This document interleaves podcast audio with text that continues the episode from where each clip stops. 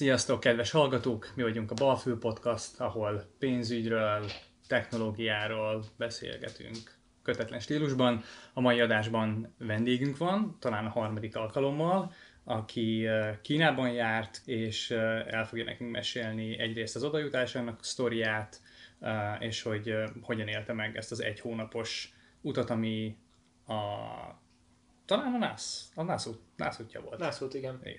Oké. Okay. Gergő, köszönj be. Sziasztok!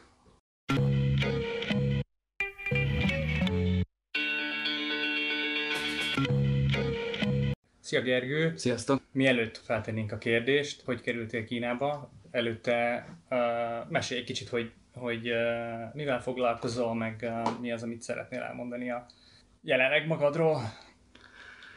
Hát ez kapásból egy nehéz kérdés, mert az, hogy így mivel foglalkozok, az elég szerteágazó. A weboldalon úgy, úgy határoztam meg magamat, hogy, hogy interdisziplináris observer vagyok, uh-huh. ami, ami, ami igazából még számomra is egy kicsit rejtélyes, viszont azt, azt tudom mondani, hogy, hogy megfigyelőnek tartom magamat, és bármi, amit csinálok, az abból fakad, hogy megfigyelek dolgokat. Szóval tavaly végeztem a momén, média design szakon, filmet rendeztem diplomára, most dolgozok egy, egy második rövid filmen, és jelenleg meg inkább ilyen kultúra szervezéssel foglalkozok, meg hangot veszek föl reklámokba. Uh-huh. A kultúra szervezés az mit jelent konkrétan? Hát most Esztergomba készítettem egy, vagy hát így rendeztem egy kiállítást az Esztergomiaknak. Ja. Ipartörténeti kiállítás, film, fotó, rádió, ilyesmi. Meg vetítéseket szeretnék szervezni, meg ez hasonló dolog. Szóval megfigyelsz, inspirálódsz, és ezeket filmre viszed, vagy, vagy videó? Hát akár, vagy nincs meghatározva az a lényeg, hogy arra jöttem rá az értem alatt, hogy nincsen, nincs médiumom, minden, minden elérhető, amihez hozzá akarok nyúlni. Ú, ezekhez szerintem később visszanyúlunk, viszont tökre érdekel, hogy így Kínában mit figyeltél meg, és, és hogyan kerültél Kínában, mert igazából ezért... Igen, kezdjük az elején. Mi, mi az, ami inspirált Kínában? Várj, mi volt az oka, hogy kimentél Kínába? Volt-e oka? Hát ez már egy régi, régi álom volt, hogy Kínába eljussak hátizsákkal, meg igazából ö, ö, Zsófinak is, akivel kint voltam, és akkor így ö, hát az esküvőnk után az volt akkor a, a nagy esküvő egyik célja, hogy eljussunk Kínába. Szóval ez ilyen nászút szerint? Ja, ja. Aha. Csak nem egy ilyen pihenős nászút, hanem egy hátizsákos 4500 kilométeres Kínán belül. Aha. Hátizsákos, azt már mondtam. Ez komoly előkészítést igényelt akkor, vagy, vagy csak úgy belevágtatott? Ja, hát ez egy kb. két hét munkaidő volt nekem az, hogy így megszerveztem az egész túrát, és mindent kimentettem jegyzetekbe kínaiul, angolul, magyarul. Mi, mi volt az, ami vonzott Kínában, vagy miért volt Kína célpont? Hát számomra azért volt már régóta célpont, mert szeretem megtapasztalni az időnek a súlyát, és azt így magamra sújtani igazából, hogy, hogy érezzem, hogy valójában az idő mekkora és milyen ereje van ahhoz képest, amit mi itt csinálunk Pesten így minden nap. És ebben Kína, vagy Kína megismerése hogyan gondoltad, hogy segít? Hát Kín- Kínában elég durván jelen van az idő, már csak már elég sok szempontból. Uh-huh. Ha azt veszük, hogy mondjuk 30 évvel ezelőtt ők nem utaztak 1200 kilométert három és fél alatt, mint most a gyors vonatokkal, vagy ha azt veszük, hogy mennyire régi kultúrával rendelkezik maga az ország, és hogy mennyi minden ment keresztül. Hú, de szeretném beszúrni ilyen érdekes fun a, hogy a Kína az ország, azt hiszem, hogyha javíts ki, hogyha nem így van, de hogy eredet, eredet története szempontjából, hogy a mennyek alatti ország mindig szétesik és összeáll, és szétesik és összeáll, és hogy nincs igazi kezdete. Tehát nem egy olyan ország, mint Magyarország, hogy ide, jön a, ide jönnek a magyarok, és Szent István megalapítja az országot, így augusztus 20-ára emlékezve, hanem így Kína volt. És így előtte is volt, és előtte is volt, és előtte is volt. Tehát egy ilyen teljesen más perspektívából viszonyulnak a történelmükhöz. Abszolút. Úgyhogy ez nekem tök izgi volt, amikor így megtudtam, hogy ők talán meg a Japán egy ilyen másik elég fura hely a világon. Igen, igen. Az, az kérdés, hogy ők mit gondolnak egymásról például ebből a szempontból, mert elég sokszor hallottuk Kínába, hogy a japánok el, elvitték az ő írás tudásukat, és az ő kaligráfiájukat, és a mindent a... Tehát ami Japán, az Kína volt, csak átvitték a szigetre. Tehát ők ezt mondják. Igen. Hm. Ez egy nagyon érdekes szem, tehát aspektus, vagy, vagy szemléletmód, szemlélőmód, úgyhogy ez tök izgi. Um, jó, szerintem induljunk egy kicsit azon van, hogy elkezdted megszervezni a dolgot, meg körülbelül mik voltak az úti célok, amiket érdekesebbnek találsz, és akkor elmesélsz majd szerintem egy csomó ilyen eszköz, túlt, internet, Aha. ilyen kis tippek, hogy, hogy hogyan kell egy ilyet csinálni, és gondolom belőle majd úgy is kanyarodunk tovább techni- technológia meg finance témakörbe is a vége felé. Jó. Még, még ahhoz hozzáfűznék, hogy mondtad, hogy szétesik és újra összeáll, hogy most uh, erről csak az jutott eszembe, hogy nagyon durván, hát ott most, vagy az egyik, az egyik olyan dolog például az volt, amire rá akartam jönni, hogy létezik-e ott most diktatúra, vagy hogy van-e. Uh-huh. És uh, digitális diktatúra mindenképp van, és hogy a szétesik és összeáll, az most egy ilyen izgalmas állapot szerintem ott, hogy amúgy az emberek nem érzik, hogy szétesne vagy összeállna, mert a kormány azt nyomja, hogy most áll össze újra, de hogy amúgy pedig nem feltétlenül igaz, ez ugye mondjuk a mi szemünkből, vagy mi szemszögünkből. Aha. És, de majd még később visszatérek erre, hogy, hogy mennyire durván megfigyelik ott az embereket. A, a kérdés, vagy az, hogy akkor kanyarodjunk vissza oda, hogy elindultunk. Hát tízfajta VPN-t töltöttem le itthon, hogy ott bármit is tudjak majd kezdeni. Minden meg volt szervezve, a vízum viszonylag lájtosan ment itthon. Egy dolgot leszámítva, hogy mondjuk utolsó előtti nap jöttem rá, hogy az Airbnb létezik Kínába, de nem, nem legál. Oh. Mi van? Szóval, hogy ők fogadhatnak belföldi turistákat, de ha külföldit fogadnak, akkor az be, az be kell jelentsék a, a rendőrségnél. Aha. Mert a, a vízum az az állami szervnek megy, és a rendőrség pedig, amikor bemész az országba, akkor leveszi az új lenyomatodat, leveszi az arcodnak a mintázatát, és kapsz egy ilyen papírt, hogy oké, okay, bemehetsz az országba, és azt meg kell őrizni, és amikor kimész, akkor azt visszaadod. Ó, És uh, amikor beléptél az országba, akkor te is benne vagy, kapsz egy számot, és ugyanúgy figyelnek a kamerák, mint ahogy a helyi lakosokat. Uh-huh. tényleg figyelnek a kamerák Kínában? Tényleg figyelnek a kamerák. Ez, Egy, ez elég parásra hangzik. Mindenhol van, minden mozgó lépcső fölött van kettő, ami már hosszabb, minden kanyarban, minden sarkon. A, amikor mentünk uh, Tibet felé uh, kisbusszal, az autópálya mellett a, a WC papír adagoló az kamerával működik, szóval bejegyzi az arcodat, és utána adja ki, hogy mennyi papírt kérsz. Wow. Ez elég... Ö, Tehát van WC papíra. De, de tudják, hogy ki volt az, aki 16-30-kor nagyon sok WC papírt kért, és ki után kell takarítani. Aha. ez kőkemény. Ment ezt így hallani, hogy ez így ott valósággá vált, még persze halljuk, hogy van megfigyelés, elképzelhet, hogy így a, persze Peking belvárosa biztos be van kamerázva, mint hogy Budapesten az 5. kerülettel lenne kamerával minden sarkon, és hogy olyan néznek, de hogy így egy autópálya megállónál ott egy kamera, és ez valahol be van kötve, és ezt valaki Ja. Nek a szoftvere figyeli, meg gondolom ennyi ember nincs, aki ezt egyszerre meg tudja nézni, meg is nézi, tehát nincs miért, csak hogy ez ilyen elég. Hát ja, ez algoritmus, és kapod a pontot. Milyen érzés volt ö, így leszállni a reptéren, kislattyogni ott, és akkor és ezért tehát mennyi idő után szembesülsz ezzel, hogy itt tényleg néznek? Hogy ők is szemlélnek téged? Hát, Illetve mennyi idő után fogsz hozzászokni, amikor Igen. már nem nézed. Ja, hát engem annyira nem zavart, mert minden le volt szervezve, az Airbnb-re majd mindjárt visszatérek, mert azzal lehetett volna baj. Ugye azáltal, hogy már a reptéren leveszik az új lenyomatodat minden újadról, és csak úgy mehetsz be az országba, hogy megvan az arcszerkezeted digitálisan, így elég hamar rájössz, hogy, hogy néznek. És utána pedig ö, szerintem nem nagy gond így, így egy hónapos turistaként ez a dolog. A helyi lakosságnak meg megosztod a véleménye erről, sokan úgy gondolják, hogy ez ugye értük szól, hogy, Az hogy a- biztonságuk érdekében. Abszolút igen. Azt mondjuk hozzáteszem, hogy szerintem nem voltam még ilyen biztonságos országban, úgyhogy ennyi ember lakik, bárhol voltunk, sehol semmi para. Az Mhm. a legkisebb városban is az írás tudatlan bácsi olyan szívesen segített a legnagyobb nyomor negyedbe, ahol voltunk. Tényleg mindenki nagyon kedves volt.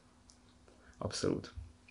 Itt a, még a kamerára visszatérve, hogy a, senki nem hagy gyorsan, mert ha kivéve, hogy 80, akkor 80-nal mennek, mert ott a kamera, és egyből kapod a, a pontot. Ez a pont az, hát az, az is annyira durván működik, hogyha például van gyereked, és ezt tudja az állam, ugye, akkor ha mondjuk alkoholt veszel le a boltba a polcról, akkor negatív mínuszpontot kapsz, ha pedig pelenkát, akkor pozitívbat. Ezt akartam mondani, hogy egy kicsit térjünk ki erre a pontrendszerre, mert nem Mi biztos, van? hogy- nem biztos, hogy mindenkinek világos, hogy, hogy pontosan ez hogy működik, mi ennek a célja, illetve hogy akkor ezek szerint ezt turistákra is alkalmazzák? Na, azt nem tudom. Aha, oké. Okay. Azt De nem tudom. Hogy van ez a pontrendszerről? Mesélj kicsit bőven, és semmit nem tudok erről. Tehát úgy van, hogy mondjuk kínai állampolgár vagy a mainlanden, és, és van egy adatbázis, van egy számod, és ott, ott kapod a pontot, hogy milyen állampolgár vagy. Például, Különböző tevékenységek után. ja, például mondjuk volt egy hirdetés egy kínai színészről a busz oldalán, és a busz párszor átment a piros lámpán, és a, be, be, bemérte a hirdetésről az arcát a csávónak, és ő kapta a mínuszpontot.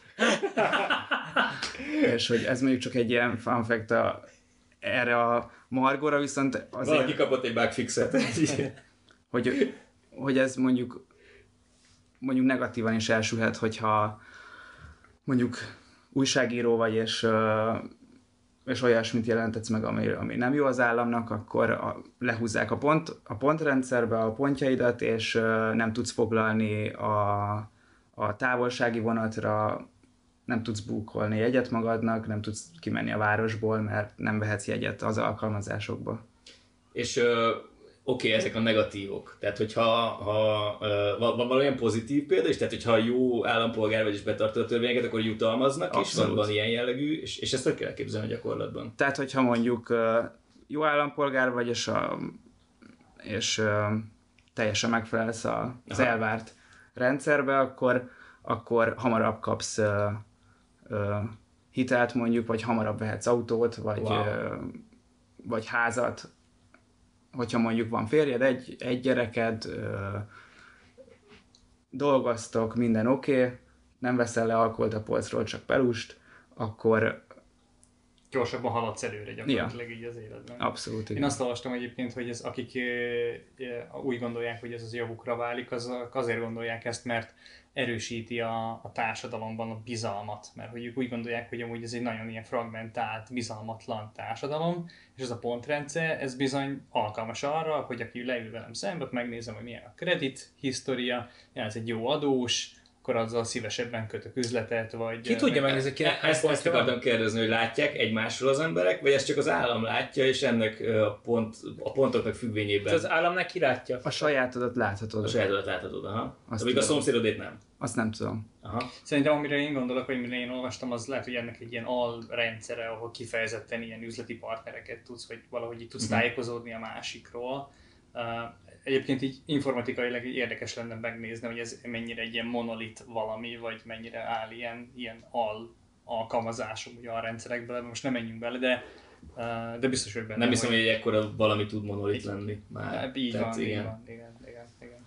Hát ugye azért is kapsz pluszpontot, hogyha a szociális életed aktív, szóval lemész a parkba táncolni esténként, meg ilyesmi. Tök jó. Wow. Ez őrület, hogy minden ilyet A bekategorizálnak. kocsmában ülsz egész este, akkor meg mínuszba mész. Tehát, minden ilyet kategorizálnak ezek szerint, és, és minden viselkedésformát szinte lassacskán valahogy be fognak osztályozni.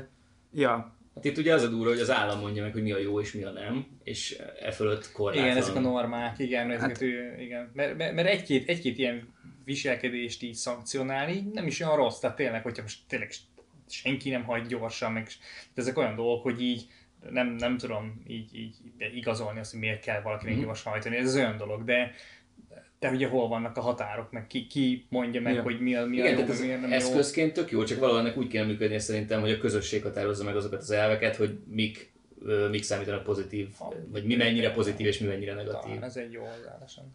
hát igen, de az is benne, hogy egy ekkora, ekkora népességről beszélünk, mint mondjuk a kínai, és nagyon durván szertágazódik kulturálisan, de nyilván nem az a megoldás, hogy az állam meghatározza, hogy mi a jó. És hogy ezáltal pont, hogy Tibet, meg mondjuk a Xinjiang, az arab rész szívja meg igazából, mert ott le vannak pontozva az emberek, mert más Van arab nem- része Kínának, ezt nem is tudtam. Um, Wow. Hát az konkrétan olyan most, mint egy börtön, mert sehol nem mehetnek, mert mindenki le van pontozva, mert más vallás gyakorolnak, meg ilyesmi. Ők az újgurok? Xinjiang, igen. Ürümcsi a főváros. És Voltatok arra? hát ő, elsőre az volt terve, hogy Kazasztánba szállunk le, mert oda a legolcsóbb a repjegy, és akkor onnan átmegyünk a kínai sivatagon egészbe, de úgy elég sok lett volna az utazás, és inkább, inkább megtoltuk, hogy 30 nap alatt 10 város.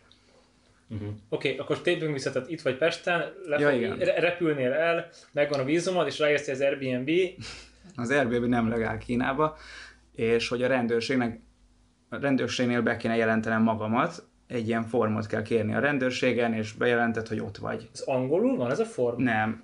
És... Tehát a police.cn, vagy nem tudom mi lehet a in China, vagy hát ott kezdődik, hogy meg kell keresned a rendőrséget, ott me- ki kell könyörögned ezt a lapot, ki kell töltened, és ott hagyod, és akkor utána aznap akkor valid vagy ott a- abba a városba, legál vagy. legálisan alszol. Igen. És hogyha mondjuk 10-15 napig Airbnb-zgetsz, és a, nem vagy regisztrálva a rendőrségen, és mondjuk igazoltatnak, akkor akár haza is küldhetnek.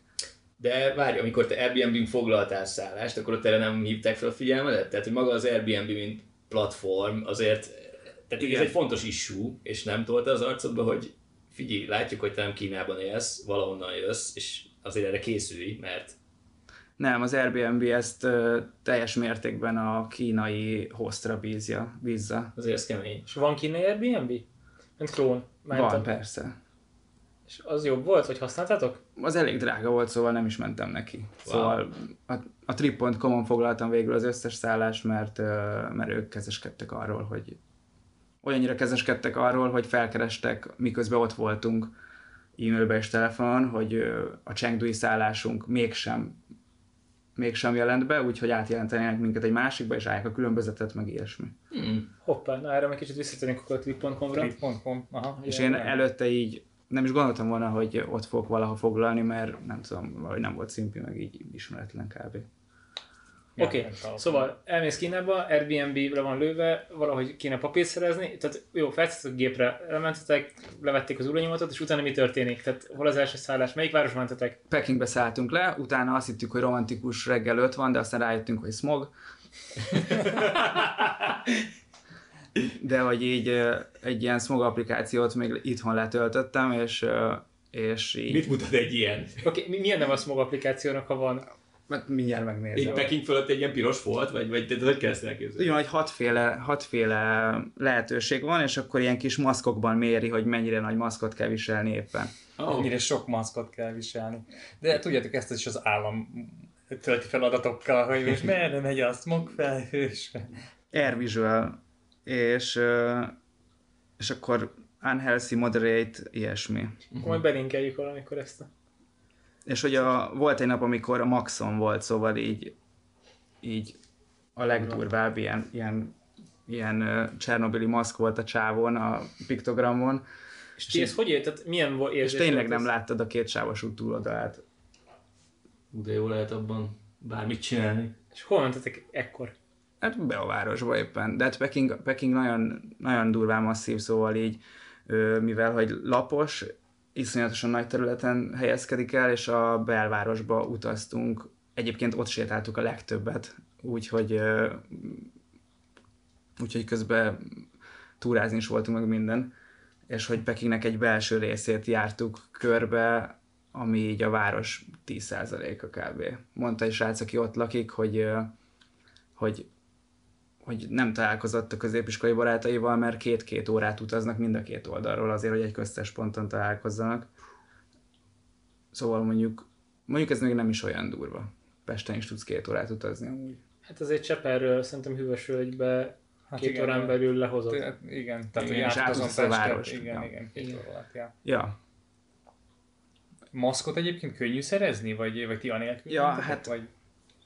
Ez egy fashion mask, ezt nem azért használják. Volt egyszer egy ilyen, egy ilyen apró fehér kis, valamelyik gyár kitolt valamit a levegőbe, vagy valami ilyesmi, ezt mondta az egyik srác, és azért hordják a maszkot, akkor kezdték el hordani, és utána, hordani, és utána divatos lett. Nincs benne szűrő, semmi értelme nincsen. Mi van? Fashion mask, 10 yuan, 400 forint. De ez az a maszk, amit mindenki hord. Igen. Tehát akkor valójában, a, aki Tehát Peking. valójában szívjátok a smogot. Ja. Mármint- De a pekingiek is. Pekingiek is iszonyatosan sok fát ültettek az utóbbi öt évben. Tényleg nagyon durván tele van a város fával, és ez a pekingi srác mondta, hogy hát itt nincsen smog. Látsz itt smogot? A maszkot a lányok hordják, fashion maszk. Pest, tehát ez budapesti téli smokhoz képest mennyire durva?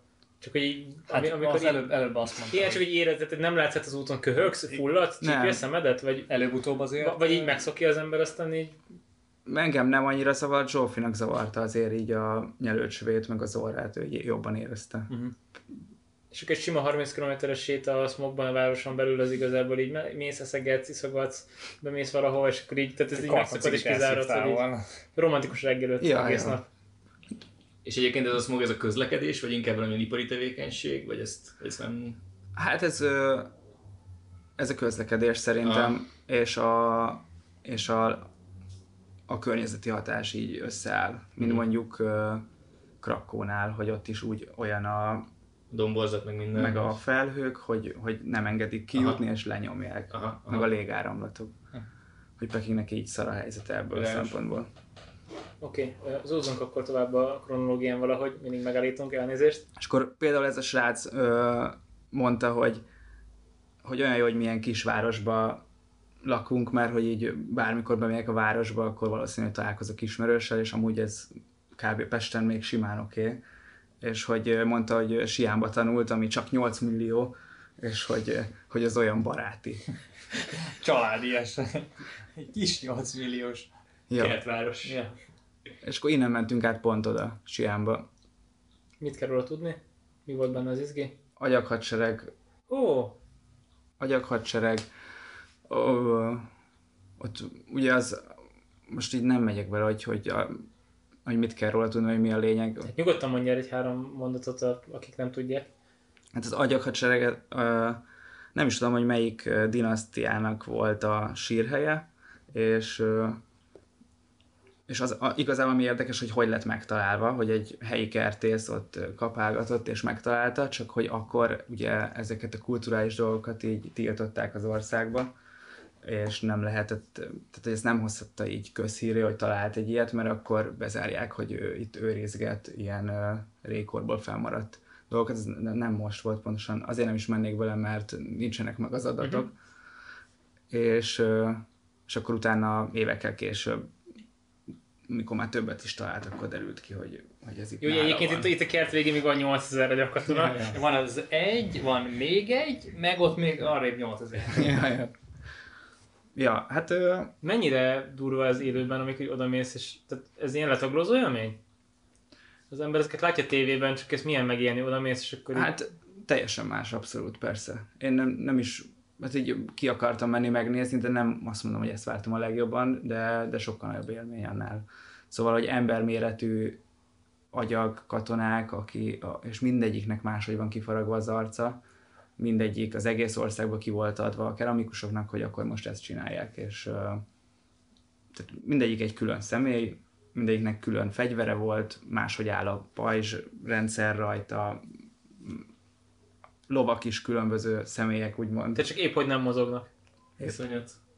Hát a kezükből mondjuk ki van lopva a fegyver, mert hogy volt egy idő, amikor kellett az embereknek az, ami náluk volt, és, és akkor kilopták a sírhelyből a fegyvereket, szóval csak ilyen üres lyukba tartják a markukat. Mennyire turistás a hely? Tehát itt mondjuk te odamész, angolul tudsz beszélni, vagy van, nem tudom, magyar idegenvezetés, audioguide? Ja, hát angol, angol. Mindenhol, hogyha ilyen nagyobb helyeken azért van. Ö, hát már Pekingben is kevés voltam úgy a, a, a western turista. Szóval már ott elkezdtek minket fotózgatni. Aha. a vidékről feljött uh, turisták, és akkor így közös kép, meg nem tudom, meg így úgy csinál, mintha a falat fotózná a metrón, de közben látom, hogy engem fotóz. nem az. ja, ja, egy, egy végig fotóztak minket, főleg amikor bejebb mentünk a belső Kínába. Ott volt egy pont, amikor már így, így kicsit elfáradtam, és akkor mondtam, hogy legalább ne amikor eszek, de tényleg. És akkor mondta, hogy jó, nem, ő csak az állomást. Az állomást fotózza, és akkor jegybe ment vissza a kamera rám. Tehát akkor ez jobban zavart, hogy az állam megfigyel. De lehet, hogy ez neki most mínusz két pont volt. Az Ja, ja, igen. Zaklatta a turistát. És ö, mondjuk kimentetek egy ilyen Chiangba, vagy nem tudom, hol mentetek utána egy ilyen átlagos közepes, mekkora egy ilyen kisebb közepes a kínai város, 8 milliós? Aha, az a 80. Oké, okay. abban mondjuk körülbelül hányadik szembe jövő ember kaukázusi fehér? Tehát mondjuk minden ezredik, tízredik, ötszázredik. Hát Sian egyetemváros, szóval ott így viszonylag sokan voltak, de szerintem lehet, hogy még többen is, mint Pekingbe. Oda elég sok ösztöndíj szól, meg ilyesmi. Ha már bejebb mentünk, Chongqing, ö, ami mondjuk egy ilyen nagyon megoszló város, szóval így kb. ráment egy napom, hogy egy normális adatot találják, hogy mennyien laknak ott, de most vagyok biztos benne, hogy tudom, mert így nem is tudom teljesen egy ilyen kínai, nagyon gyorsan fejlődő várost, hogy hogy tudtak így mérni, úgyhogy az elmúlt tíz mm. évben lett ekkora, levált a saját megyéről, Aha. és uh, 30 millióan laknak a megyébe, és elvileg 13-an kb. a városba, de van olyan adat, hogy 18-an, ami meg már egy elég durva adat, hogy 18 millió, akkor már sok más város leköröz, akiről tudjuk, hogy mennyien laknak. De egyébként ugye ezek úgy működnek, hogy bekebelezik a városok a környező településeket. Tehát hogy lehet, hogy lehet, hogy korábban ez egy másik városnak számított, most viszont már... Ja, ja. Aha. Ja, hát a Chongqing az ö, azért nagyon érdekes, mert az egy ilyen kínai, igazi kínai megacity lett, és azt, hogyha kihagytuk volna, akkor az, az nagy kár lett volna, mert, mert ilyet még nem láttam, hogy hogyha kellett egy út, akkor csináltak. Szóval van egy út, van fölötte 10 méteres beton oszlop, megy évbe a másik a víz fölött, ha kellett fölötte még egy, akkor van egy 20 méteres betonoszlop, és azon is megy egy út. És hogyha így látod a Yangtze-t a domb oldalról, és beütöd a Google-be, hogy mennyi idő oda lejutni, akkor kocsival másfél óra mondjuk, mert annyira, tehát átmenni a domb vissza, vissza a domb túloldalá, és onnan, onnan le, mert hogy nem lett összerakva a város Uh, Rosszul tervezték? Nem lett, ez konkrétan nem, volt, nem, nem volt várostervezés. Szóval, ha kellett egy út, megcsinálták. Ezzel szemben mondjuk Hongkong teljesen mm. érezhető az angol mentalitás, hát akarsz jutni, át tudsz jutni az út oldalára. Az aluljáróban nem löknek félre, mert el van választva, és van föl meg le, és igazából egy hónap Kína után Hongkongba érkezni nagyon jó volt. Szerintem majd ezt a Hongkong kérdést, ezt mesézzük később, ja. egy kicsit részletesebben. Oké, okay, de Changqing, miért mentetek ide? Csak vegyünk egy kicsit a városokon, és akkor így majd mindig hát, elkalandozunk. Mert pont ezt a... tudtad, hogy ez ilyen, ilyen megapolis, és ilyen, vagy mi, hogy hívtad? Megacity, bocsánat? Megacity, ja. Tud, tudtuk, hogy, hogy, hogy ez egy izgalmas élmény lehet, meg azt, hogy van egy metró, amelyik megáll a házba. Tehát, tehát ez az a feeling, mint amikor a 30-as években valaki azt mondta, hogy Bauhaus és elment Dessauba megnézni, hogy oké, okay, ez most egy építészeti új dolog, te meg elmentél ide, mert hogy ilyen a világ összes többi részén nincs, hogy, hogy város így lenne ekkora méretben. Ja, ja. És milyen, amikor megáll egy házban a metró?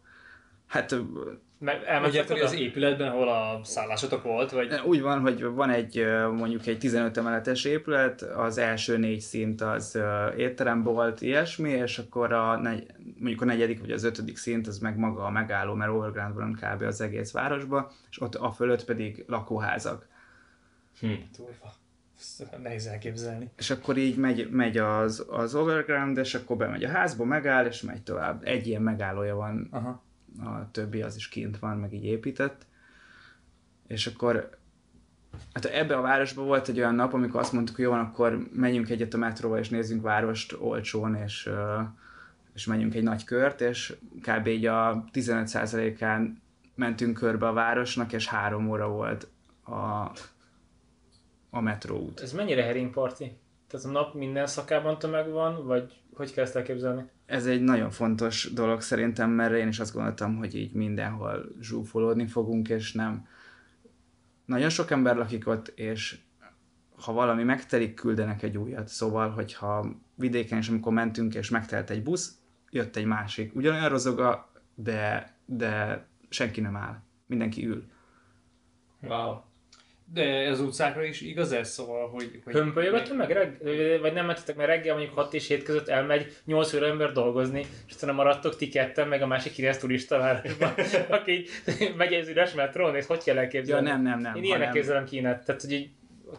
Konstans tömeg van, konstans tömeg a nagyvárosokban, nincs, nincs megállás.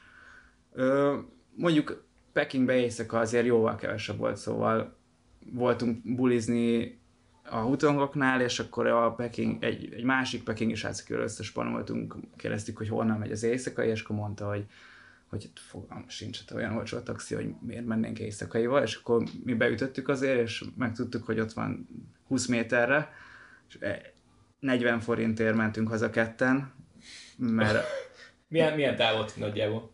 hát mondjuk egy teljes kis körút, vagy teljes nagy körutat mondjuk. Jesus. Elég jó volt.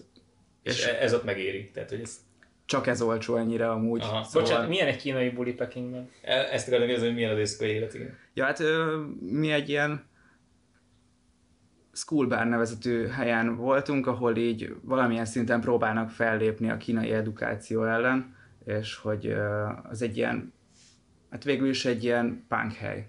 Bement és lepontoztak. Hát engem biztos. De szerintem még visszaengednek. Tehát- De most bocsánat, van, van tarajos kínai punk? Nem, Ki, nem. ki, tar, ki kutyával ott tarhálja a pénzt a földön? Nem, nem, sokkal konszolidáltabb, meg dolgoznak, meg minden. Szóval nem annyira szerintem. Konzervatív pánkok. Igen.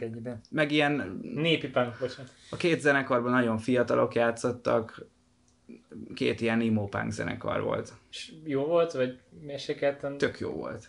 Tényleg. Mit mondtál az előbb, hogy az, a kínai edukáció ellen lépnek föl? Tehát Igen. a, ez, ez alatt az állami propagandát értik, vagy, Igen, vagy igen. akarnak tanulni? Az ellen inkább, Aha. hogy ott valamilyen szinten próbálnak információt átadni. Ah, értem. Én úgy érzem, kicsit hipster is volt azért a hely, de hogy a matricák, amiket így ragaszgattak, azon az volt, hogy bad education, Aha. meg hát ott ugye most az első négy osztályban nem, ta, nem kapnak jegyet a kínaiak, csak ilyen, nincs nagyon értékelés ott még, Uh-huh. később lesz bőven, nem? és ö, ö, csak ilyen alapvető dolgokat tanulnak, hogy hogyan kell egymáshoz viszonyulni, meg az írást, meg az olvasást, de hogy ilyen ö, etikettet végül is Mhm. protokollt. Te hol spanolt össze emberekkel? Ez hogy, ez hogy történik kint? Zsófi nagy spanoló. Szóval ő, ő volt leginkább. Tehát az ember, aki fotóz téged, így rászólsz egy ilyen Nem, nem, szevasz, vagy Zsófi előre kinézett pár olyan helyet, ami, ami így a mi köreinkben itthon is így, ahova szoktunk járni, és akkor ott a sokkal nyitottabbak voltak a fiatalok. Tehát, hogy sejtető volt, hogy lemész az ottani punk helyre, akkor ott mondjuk fognak beszélni angolul, és mondjuk tudsz kapcsolatot felvenni. Tehát akkor ez... Ja. Meg ugye ők, ők, ők, ők jobban szeretnének kapcsolatot felvenni velem, mint én velük, ha úgy Egy ilyen kis ajtó, vagy egy ablak, vagy egy nyugati Igen. világra, és akkor így... Miket kérdeztek a világ többi részéről tőletek? Hát ő, mindenki egyből WeChat-en adolt, mert hogy én regisztráltam, amikor kimentem, hogy ha bármi van, azon keresztül tudjak kommunikálni anyával, vagy a itteniekkel. És ha van egy európai haverjuk, az már jó. és hát ez a két srácom úgy pont Szaudarábiába dolgozott, és onnan jöttek haza. Szóval tőlük én kérdeztem inkább, hogy milyen Szaudarábiába dolgozni. Na, és milyen? Szar. De ez egy másik adás.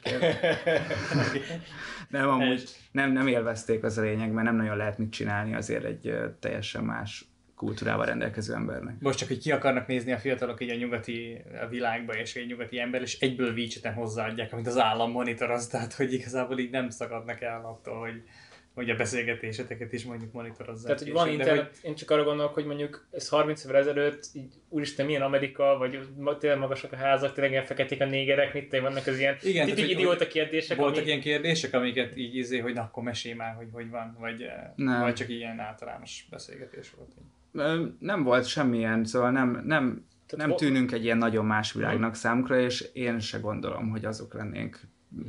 Tehát nem, nem volt nagyon nagy kulturális gap, vagy Nem. hogy mondjam.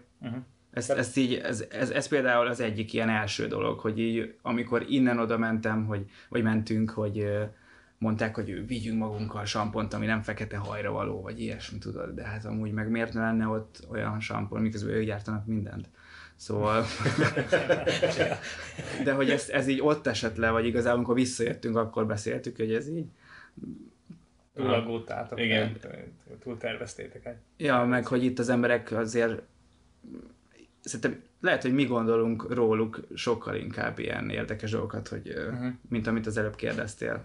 Abszolút, igen, tehát hogy így, most nem tudom, itt a múltkori vendégünket, aki mesélt Kenyáról, ott azért elég erős a kulturális gap, tehát mondjuk ott az, hogy a, ahol nincs víz, és egy olyan országból jössz, hogy minden nap akár kétszer lezuhanyzol, az elég elképzelhetetlen oda-vissza. Tehát így értem a... Most Ja. ehhez képest itt Kína, Pekingben van víz, van gáz, áram, ellátás, minden létező elektronikai eszköz, internet, stb. stb. Tehát csak nem tudtam, hogy ebből mennyire látnak ki, vagy tehát, hogy az érdeklődésük mondjuk mennyire felel meg a mi európai érdeklődésünknek, vagy nyugati világbelének. Szerintem abszolút. Ugyanazok érdeklik őket is, mint minket, csak van egy saját világuk, és abba teszik ugyanazt.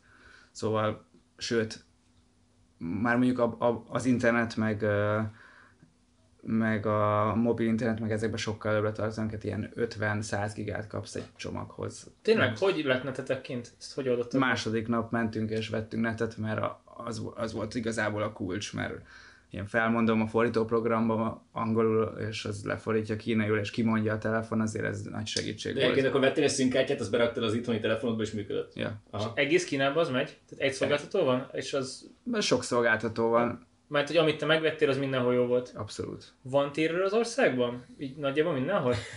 Pekingbe is. Amerikában nem volt, az? vagy nem tudom ti, hogy tapasztaltatok, de az észak-amerikai kontinensen elég pusztában az, nincs, hogy- Hát Igen. igen, lehet. Persze.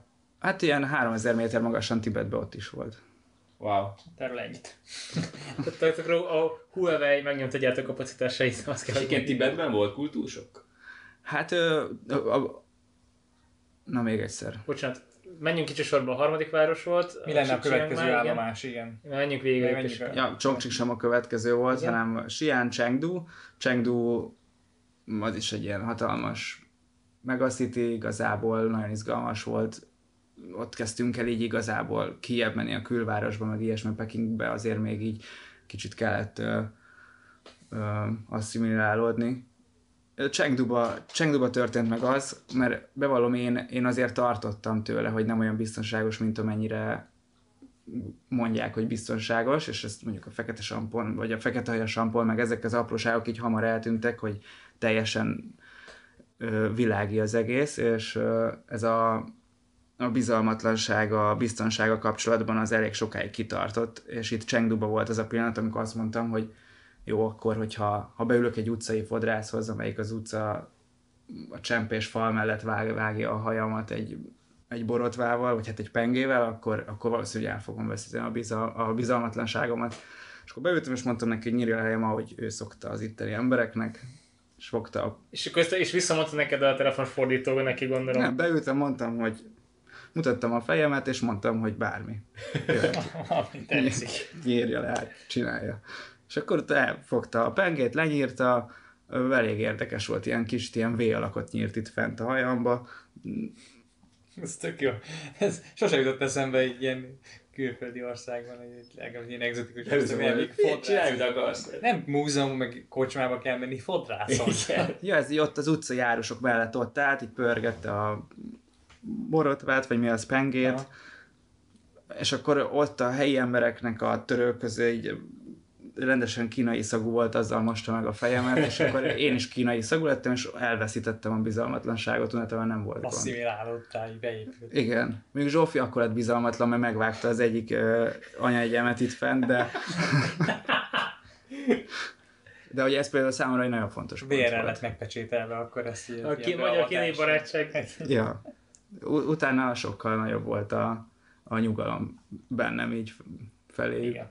És Elvághatta volna a torkodat is, nem tette, innentől kezdve. Is le akartad vetetni azt az anyajegyet.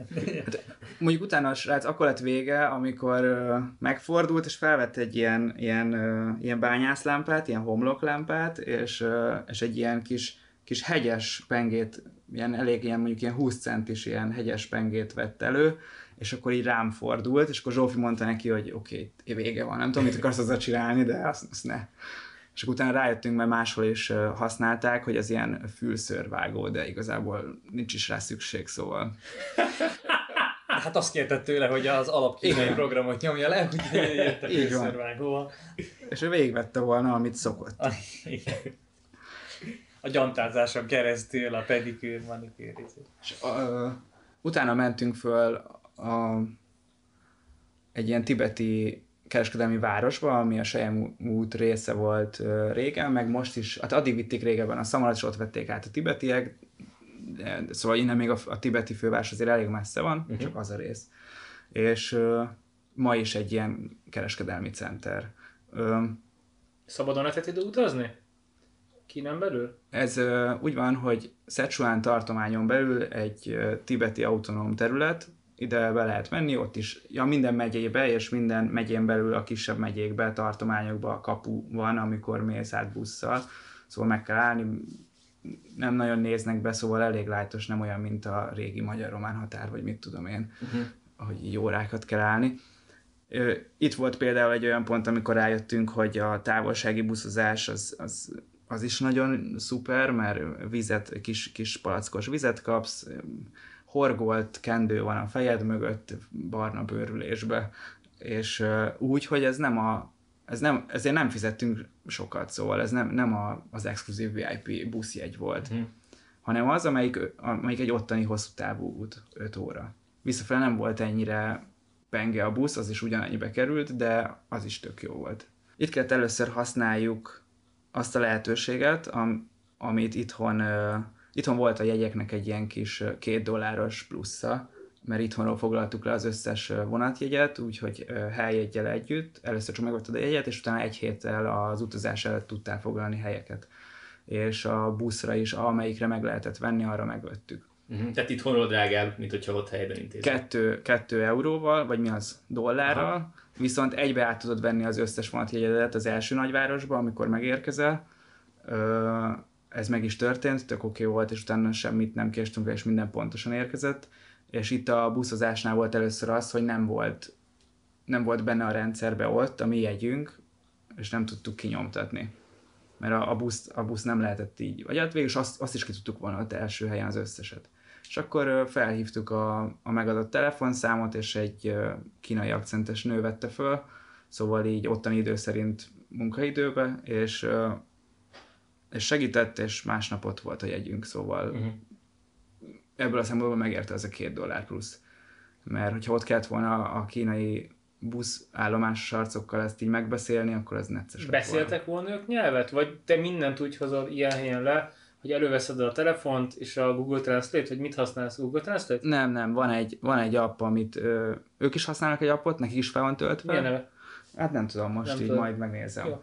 Hogy ö, a lényeg az, hogy ö, van egy kínai verziója, meg van egy angol, és akkor ők is tudják, és ők is használják. Szóval ők így vannak felkészülve. Nem tudnak angolul, de náluk van a telefon, és nálunk van az app. Mindenki töltővel jár, mindenkinél van telefon, általában be van kapcsolva, és általában megy rajta a Yuku, szóval Az mi? az a, az a kínai YouTube Netflix keverék, ahol így ö, 0-24-ben vannak csatornák, filmes csatornák, és ott nézik az emberek, de ezt úgy kell, hogy ez egy motorozás közben nem a GPS megy, hanem a Yuku. Vagy, Vagy- Ez mínuszpont. Bocsássak, azért van kultúrsok, tehát azért lenne. vagy mennek az utcán és nézik a Yukut, de ez inkább, a, inkább beljebb a belső részen a nagyvárosokban, teljesen más. Szóval, hogy ha belegondolsz, 1000 kilométert mész mondjuk, vagy tegyük fel 600-at ezzel a, a gyors vonattal, amelyik 320-szal megy, szóval az 1200 kilométert azt ilyen ö, három és fél óra alatt tettük meg, és ö, teljesen máshogy néznek ki az emberek, más, máshogy beszélik a kínait, mást esznek, uh-huh. más a szaguk, máshogy vezetnek, minden. Tehát, te, te, amint egy kicsit tovább mész, mert ez, ez az utazás nem egy ilyen új, vagy nem egy régi dolog náluk, hogy ezt így meg lehet tenni, és nagyon érezhető, hogy teljesen más kultúrával rendelkeznek, ilyen rövid távon is. Kicsit kanyarodjunk már vissza még Tibethez, Jó. hogy ott volt valamilyen, éreztél kultúrsokkot? Illetve mennyire van meg a Kína-Tibet ellentét? Ugye említetted, hogy autonóm tartomány. Igen. Ez mennyire érződik? Hát ebbe a városba azért, azért itt, itt megint csak több volt a, a kaukázusi, szóval itt volt bőven lengyelekkel is találkoztunk, Mhm. mm. meg szóval í- Még ez turista célpont amúgy Kínán belül? Tibet így külön? abszolút. Aha. Abszolút. Szóval németekkel is találkoztunk. Ez, ez az a város, ahol meg kell állnia amúgy a turistáknak elvileg, ha tovább akarnak menni, ami nagyon érdekes, mert 2500 méter magasan van, itt Európában 2500 méteren még nem lesz semmilyen, semmi bajod. Uh-huh. Ott viszont többen is rosszul voltak, akikkel találkoztunk. Én, én is nehezebben vettem a levegőt, amikor felmentünk 3000 méter magas, 3200-ra, 2500-ról a túról, túraútvonal 4 órára volt írva oda-vissza, az neke, nekünk ilyen 7 és fél volt, mert és az összes vizet megittam, mire felértünk. Hm. Az azért megviselt, és nem tudom pontosan, hogy miért. Szóval a kultúrsokra visszatérve nem volt, hát, ha úgy vesszük, minden városban volt, szóval ha tovább mentünk, Aha. minden egyes városba új kultúrsokért, és amúgy el is fáradtunk a 14. napon ettől, mert tényleg teljesen más minden uh-huh. a következő helyszínen. Máshogy gondolkoznak, máshogy világítják ki a házakat, más tesznek minden. Uh-huh. A gondolkozásról persze azért így annyira mélyen nem sikerült. Persze. De amennyire tudtunk, kérdezősködtünk, akitől lehetett. Uh-huh. Ja, hát ö, innen mi is tovább akartunk menni egy ilyen ö, buddhista faluba, és amikor szerveztem az utat, akkor rá, rájöttem így a fórumok alapján, mert ö, szoktak ilyen kínai fórumozók update-elni ö, ezekbe a kérdésekbe, hogy melyik szertárba lehet éppen bemenni, vagy ilyesmi, mert hogy ők, ők sokkal többen mehetnek be, mint mondjuk egy európai turista. Szóval mert az van, hogy azt hiszem, hogy két évvel ezelőtt beszerelt a kínai államkapukat ezekbe a tibeti ö, buddhista falvakba, uh-huh. és kaptak ID-t az ottani lakosok, meg kamerák, nyilván ki megy be, ki jön ki. Tehát és... ezt úgy kell kezdeni, hogy városfal van. Tehát, hogy ö, bizonyos pontokon tudsz bemenni. Hát ez úgy van, hogy mondjuk... Vagy ez ilyen önkéntes alapon működik, hogyha akarod, ki tudod kerülni a kaput, csak nem célszerű. Ja, hát igen, úgy képzeld ezt el, hogy mondjuk ez 4000 méter magason van Aha. egy ilyen tibeti fensíkon, grassland általában, és mondjuk egy kis, kis völgy, mondjuk is oda be. Aha. Középen van egy fal, ami elválasztja a férfiakat és a nőket, középen van egy nagy templom, oh. azon keresztül lehet csak átmenni. És az az egyetlen út, ami bevezet, ott vannak a kínai állam által oda helyezett őrök mondjuk, Aha. és oda van beszerve ez a kapu, és ott mész be. Hogyha most te megkerülöd az egészet egy ilyen, ilyen ozora beszökéssel, akkor, akkor be tudsz menni gondolom a másik oldalra, mondjuk vagy a nőkhöz, vagy a férfiakhoz, de ha meg megtalálnak, szerintem hát ezért ez, hát, ez nem célszerű, ez igen, igen, értem. Szerintem. Hogy is külön vannak a férfiak és a nők? Külön laknak. A de ott vannak belül. családok? Ugyanígy, hogy gyerekkel vagy ott? Nincsenek. Csak uh, szerzetesek, de külön vannak a férfiak és a nők. Ah, oké. Okay. Tehát itt ez, ez nem egy klasszikus falu, ahol kisgyerektől... Ez a, a szerzetesekről van szó. Mm. Igen, igen. És uh, mennyire van Free Tibet? Hogy ez érezhető -e a... Kommunikálják van, van-e, van-e bármennyi uh, elszakadási vágy Kínától, vagy mennyire van ez benne ott a közhangulatban? Hát Mennyit e... tapasztalt ebből? Semmennyit. Aha. Itt sokkal jobban érezni ezt a, ezt a dolgot, hogy, hogy ezt, ezt mi tudjuk, ezt a problémát, és ismerjük, és hogy ezért ugye amikor nagyobb vagy ilyen intenzívebb atrocitás érte Tibetet régebben, akkor azért itt ennek mindig volt egy visszhangja. Uh-huh. Gondolom ott is, de szerintem a, a kínai állampolgárok nem annyira foglalkoznak ezzel a kérdéssel, hogy ez most uh, így uh, emberileg milyen. Uh-huh. tehát nincsenek tibeti zászlók százasával kirakva valaki a szélén, mint hogy Szerbiából átmész Koszovóba, és a első egy kilométeren ott 170 szerb zászló ki van rakva, mert deklarálják, hogy ez majd egyszer újra Szerbia lesz, és vagy még most is az, és stb. stb. Tehát ilyen típusú nyílt vagy nem. voltak zászlók, csak hogy kirakták őket, már nincsenek ott. Igen, nekem nem úgy hangzik ez az egész hely, mint, a, mint hogy a mainland Kína, ahol uh, érdemes tüntetni, vagy protestálni. Bármi Láttatok bármilyen tüntetést? Egy hónap alatt? Vagy ilyen tömegmegmozdulást?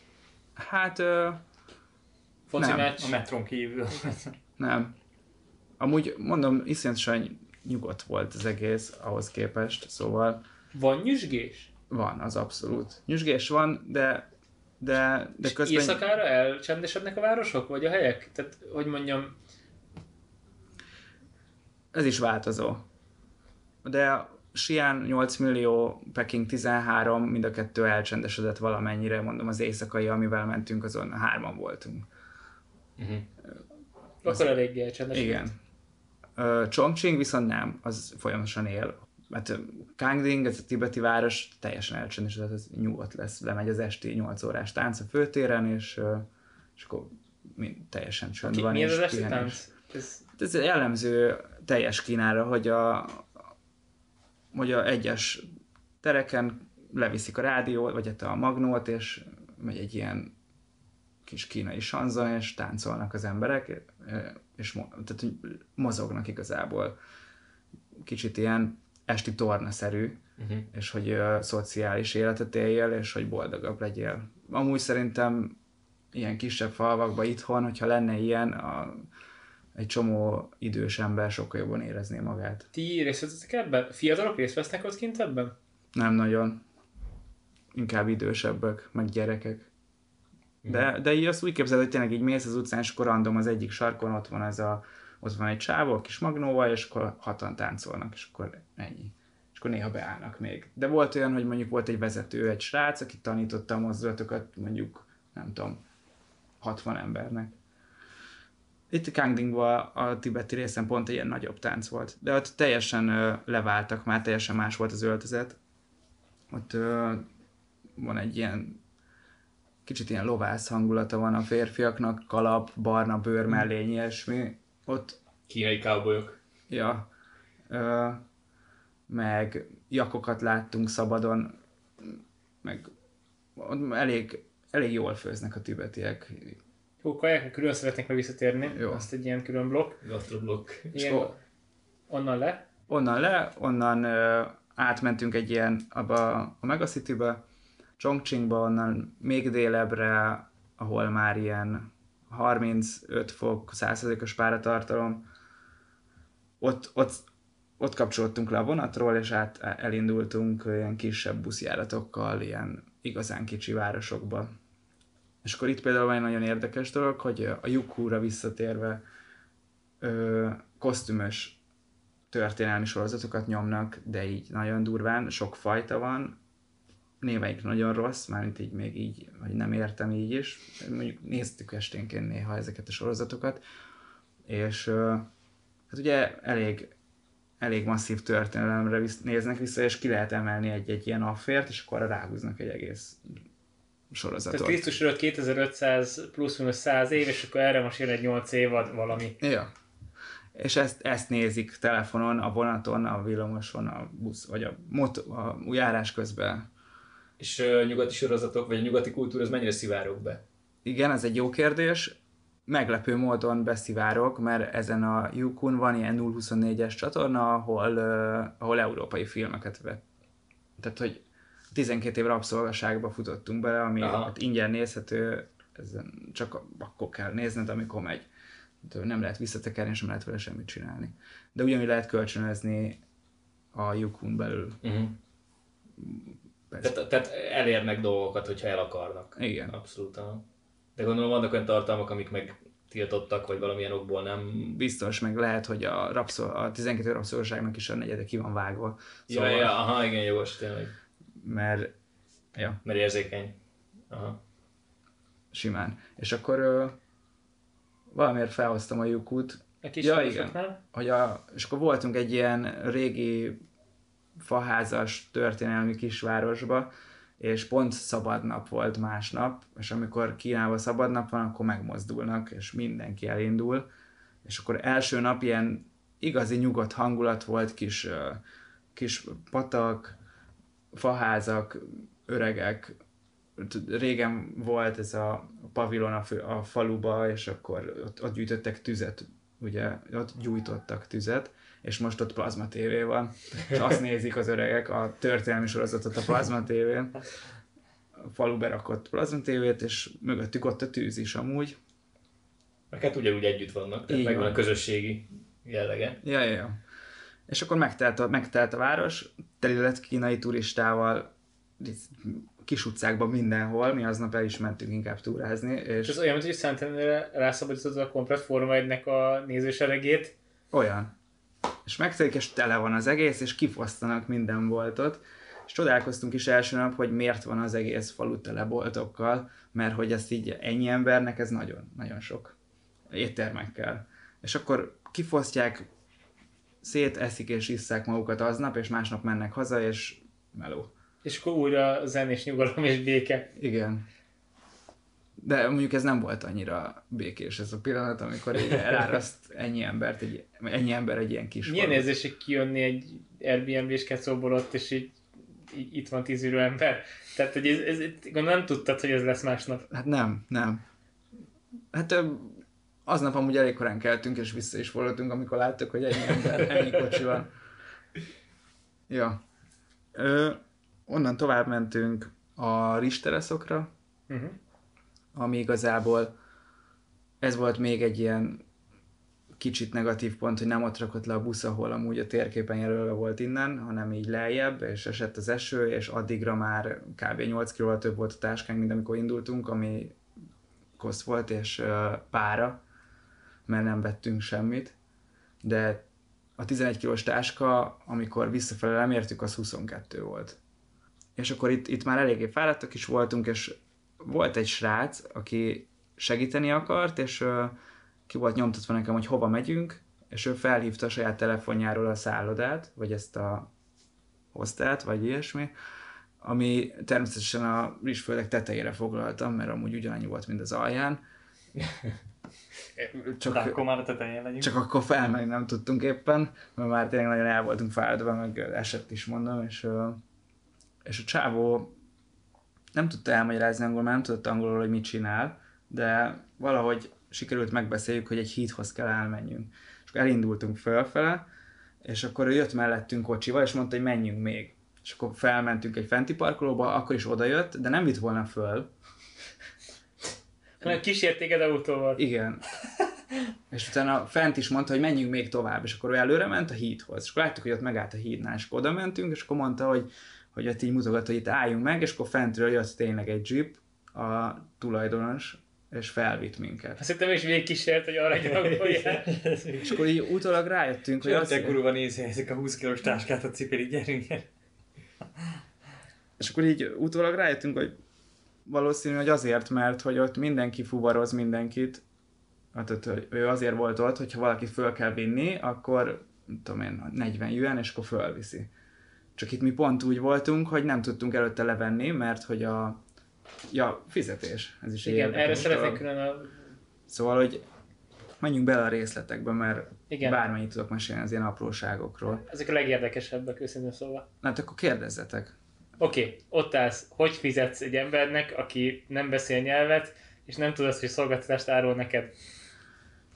Hát most még befejezem az előzőt, csak, csak mert az kicsit ehhez, Persze. hogy van egy országos bank, vannak megyei bankok, vannak tartományos bankok, és a kis tartomány bankjában nem tudsz levenni az európai bankkártyáddal, a megyei tartományos bankba talán, de az országosban mindig. És akkor ilyen lutri volt, hogy melyik bankból, bankból tudunk levenni. És itt pont úgy jöttünk, hogy már, már vagy hatszor próbáltunk levenni pénzt, de nem tudtunk. Tehát a Mastercardnak nincsen jól működő ATM keresője Kínára? Magyarul? Mert Ez- akkor behashtagel a Mastercardot a podcast vagy a vizát, nem- mivel mentetek? Mm, Lehet, hogy ők már Ez- megpróbáltak ez bejutni Kínába, Ez csak külön nem kérdés, hogy hogy készültetek így készpénzzel, kártyával, nem tudom. hát akkor kezdjük ezt is az elején. stb. stb. hasonló. Mert ez totálban meglep, hogy egy, egy, egy kártyatársa kijössz Magyarországú bankkártyával, és mi a csuda az, hogy egy ország, ahol van net mindenhol, berakod a SIM-kártyát, és nem tudod megnézni, Mastercard. és nem tudod megnézni, hogy hol van működő ATM, hát ne röhögtessenek. Hát ö, ilyen külön applikációt erre nem töltöttünk le, ha meg már ott vagy, akkor nem fogsz. Mert hogy a VPN-eket itt kell letölteni, szóval, hogy egy kínai állampolgár, ha szeretne Facebookozni, akkor el, el kell menjen először külföldre, letöltsön egy VPN-t, és visszajön, mert a VPN-ek le vannak tiltva, ugye? Le se tudja helyben tölteni? Hát én nem vagyok biztos benne. Hát valószínűleg ez nem lenne értelme. Tehát, Igen. hogy, hogyha könnyű lenne megkerülni ezt a nagy kínai Ők megkerülik a dűszfalat, a helyi lakosok? Mi volt a tapasztalat, dumáltatok? Aki tudott angolul és volt már külföldön, annak volt letöltve VPN-je. Pont, Aztán- pont most, amikor jöttem ide, írta az egyik srác, akivel Pekingbe találkoztunk, hogy, hogy melyik VPN-t használtam, mert ugye az övé elromlott, és, és hogy mit töltsön le szerintem. És ki küldte még 9-et. És akkor küldtem neki kettőt, ami a- igazából nagyon jól működött, mert ott sem mű, mindegyik működött. És akkor ilyen ö, malajziai, meg ö, holland, norvég ilyen IP címekre rakott rá. A fizetés. Nincs bankkártyás fizetés a legtöbb helyen. Készpénzes fizetés megint csak nem nagyon van, mivel hogy mindenki WeChat-tel fizet, uh-huh. és Alipay-jel Uh-huh. megkapod a fizetésed, a, a kínai fizetésed a kínai bankkártyádra, és átrakod a WeChat-re, mert azzal fizetsz. Uh-huh. Tehát Szó- ő, ők a tényleg a És akkor készpénzmentes ország, egy egymilliárdos készpénzmentes ország szinte? Hát Pekingbe a bárba három sört kellett igyak, hogy készpénzzel ki, kell, ki tudjam fizetni, úgyhogy csak egyet akartam, mert ez nem, nem volt vissza. a widgetes és a hasz- használhatok fizetésre? Nem, nem, az viszont nagyon macerás lett volna az európai bankkártyára átrakni a Ja, értem, pénzt. De egyébként csak úgy technikailag ez nagyjából jól képzelem, hogy úgy működik, hogy van a pultnál egy ilyen QR kód vagy valami, és akkor az beszkenneli a A widget telefonodon van QR kód, nem? És a, a, Nem, a, pulton pult, van. a pulton Aha, van. A oké. pulton van, igen. A pulton van kint, vagy a, tényleg a, ebbe a történelmi faluba is a legutolsó utca járusnak ott lóg a nyakába, és Aha. mu- mutatja, hogy szkennelt be. Aha. És akkor az már pattintja is át a saját widgetére a, És- a pénzt. Te írod be, hogy mennyit fizetsz. Nem ő. Hm. Nem is nézi meg, nem kéri el. Uh-huh. Ez a Egy te, bizalmi alapú a fizetés, és, és annyit ütnek be szerintem, a, amit tapasztaltam, abból azt szűröm le, hogy annyit ütnek be, ha mennyit kell fizetni. És ahol a widget tudsz fizetni, ott ugyanúgy tudsz az alipay is. Tehát, hogy mind, ez viccel, ez elfogadják egymást. Általában szerintem a nagyobb városokban igen, kint volt mind a két logó, Aha. de ö, vannak bizonyos helyek, akik le vannak szerződve Ja, csak az értem. egyikkel. hogy fizeted a fodrászt? A fodrászt készpénzzel. Ja. De nála is volt QR kód. Tehát ha akartál volna, tudtál volna. És honnan tudtad volna, hogy mennyit kell adni? Illetve ő kivette kezedből a yuan és akkor Hát nem, ott felírta. Vagy kinek, Ja, kinek arab számot használnak? Bocsánat. igazából tudok számolni kínaiul, szóval azt megtanultunk, mielőtt kimentünk. Szóval azzal nem volt gond. Kinek arab számokat használnak? Igen. Minden más az kínai ö, írásjel, de a számok nem, mert amúgy kicsit macerás lenne nekik is. De így tényleg a táblán is arab számokkal van kint a híven előtt. Uh-huh. Hogyha te külföldiként nem tudsz bankkártyával fizetni, és olyan helyen vagy, hogy készpénzt sem fogadnak el, nem csak a WeChat van, akkor, ö, akkor mit csinálsz? Tehát, hogy, ö, feltétlenül hogy derül a, a, turizmus az ott is egy fontos iparág, tehát fel kéne, hogy legyenek készülve arra, hogy külföldinél csak mondjuk egy nyugati bankkártya lesz. Ez- Meg ez mondjuk így- dollár. Nem sok külföldi megy be. Komolyan? Aha, oké. Okay. Hát, Hát, hát akkor ez így válasz. Nincsenek, nem, nem, nem kell legyenek felkészülve arra, hogy bemegy egy külföldi, Aha, mert aha, aha. nem ő lesz az, aki, akiből megél a bolt. És általában valamennyi készpénz szokott lenni, szóval ez egyszer fordult elő, hogy így tényleg többet kellett vásároljak ahhoz, hogy ki tudjam fizetni, vagy egyet se. Mhm. Ö, mondjuk egy étteremben azt úgy képzeljétek el, hogy leülsz, ott van a QR kód az asztal sarkán, be, be, beszkeneled a widgettel, kijön az étlap, megrendeled és hozzák. Tök jó. És utána fölállsz és elmész. Ja, mert már Igen, mert már fizettél. pontosan tudja, hogy mit, fizettél. mit, mit, mit rendeltél. És amikor leülsz annyi, hogy oda jön a pincér, és hoz neked egy, pohár, egy, egy, egy korsó meleg vizet, vagy mi az, kancsó meleg vizet, amit az elején például nem tudtunk így hova rakni, hogy kéne nálunk legyen tea, vagy ilyesmi. De kiderült, hogy nem, hanem elég rossz volt a vízminősége egy jó darabig Ja, és Kínában, felforralják. És felforralják, és az megmarad szokásnak, és forró vizet isznak. Úgy mondjuk durva lehet. 35 fokos melegben. Jól értettem az előbb, hogy ahhoz, hogy ö, készpénzzel tudj fizetni, kellett így a három sört, tehát hogy mert ugye ez a kártyás összeghatár van, kártyás, igen, tehát ez a kártyás fizetésen szokott itthon lenni a legutóbbi adásban. Nem, nem, ez azért beszéltünk volt, ja bocsánat, hogy, hogy, hogy, hogy, tehát, hogy, hogy, van egy ilyen összeghatár, hogy csak akkor fogadok, akkor vagyok hajlandó készpénzt kezelni, ha legalább adsz egy ezrest, mit tudom én, mert hogy, mert hogy ilyen apróval nem vagyok hajlandó szarakodni. Nem, nem, nem volt, nem volt a kasszába készpénz, mert senki nem fizet készpénzzel. Uh-huh. Ezt, erre nem gondoltam. És ezért három sört kell. kellett így ahhoz, hogy egyet ki tudjak fizetni, mert nálam is százas volt. Száz Igen, éven, és, és és akkor körbe kérdeztél valakinél készpénzt váltani, sem. kínai sör, vagy valamilyen nyugati import? Jó. Kína is. Milyen a És kínai milyen- sör? Na, milyen a kínai sör? Láger. De így minőségre, vagy az európai gyomornak, vagy ízlésnek? Teljesen oké, okay, szerintem ilyen ö, középkategória, de vannak ott is elég rossz sörök, szóval Aha. megvan a teljes magyar skála a kőbányaitól a Dréherig. Igen, tehát szerintem ott a, a, az ilyen mainstream söröknek a nagyját ugyanazok a gyártók gyártják, mint a viszunk, tehát akkor a különbség nem lehet. Ja. Oké, okay, és akkor ott állsz, widget lehetne fizetni, neked nincs widgeted, mert nem tudsz csinálni. Miért nem tudsz csinálni? Csak nem tudsz rá pénzt tenni? Hát az Tehát neked van vízcseted, csak nem tudsz pénzt tenni rá, mint európai? Az európai bankkártyáról a WeChat-re átrakni a pénzt, az, az kicsit macerásnak tűnt, mielőtt indultunk, és, és nem gondoltam, hogy ennyire nullás a bankkártyás fizetés, szóval azt gondoltam, hogy azért csak tudok fizetni PayPal-szal itt-ott. De nem. Durva.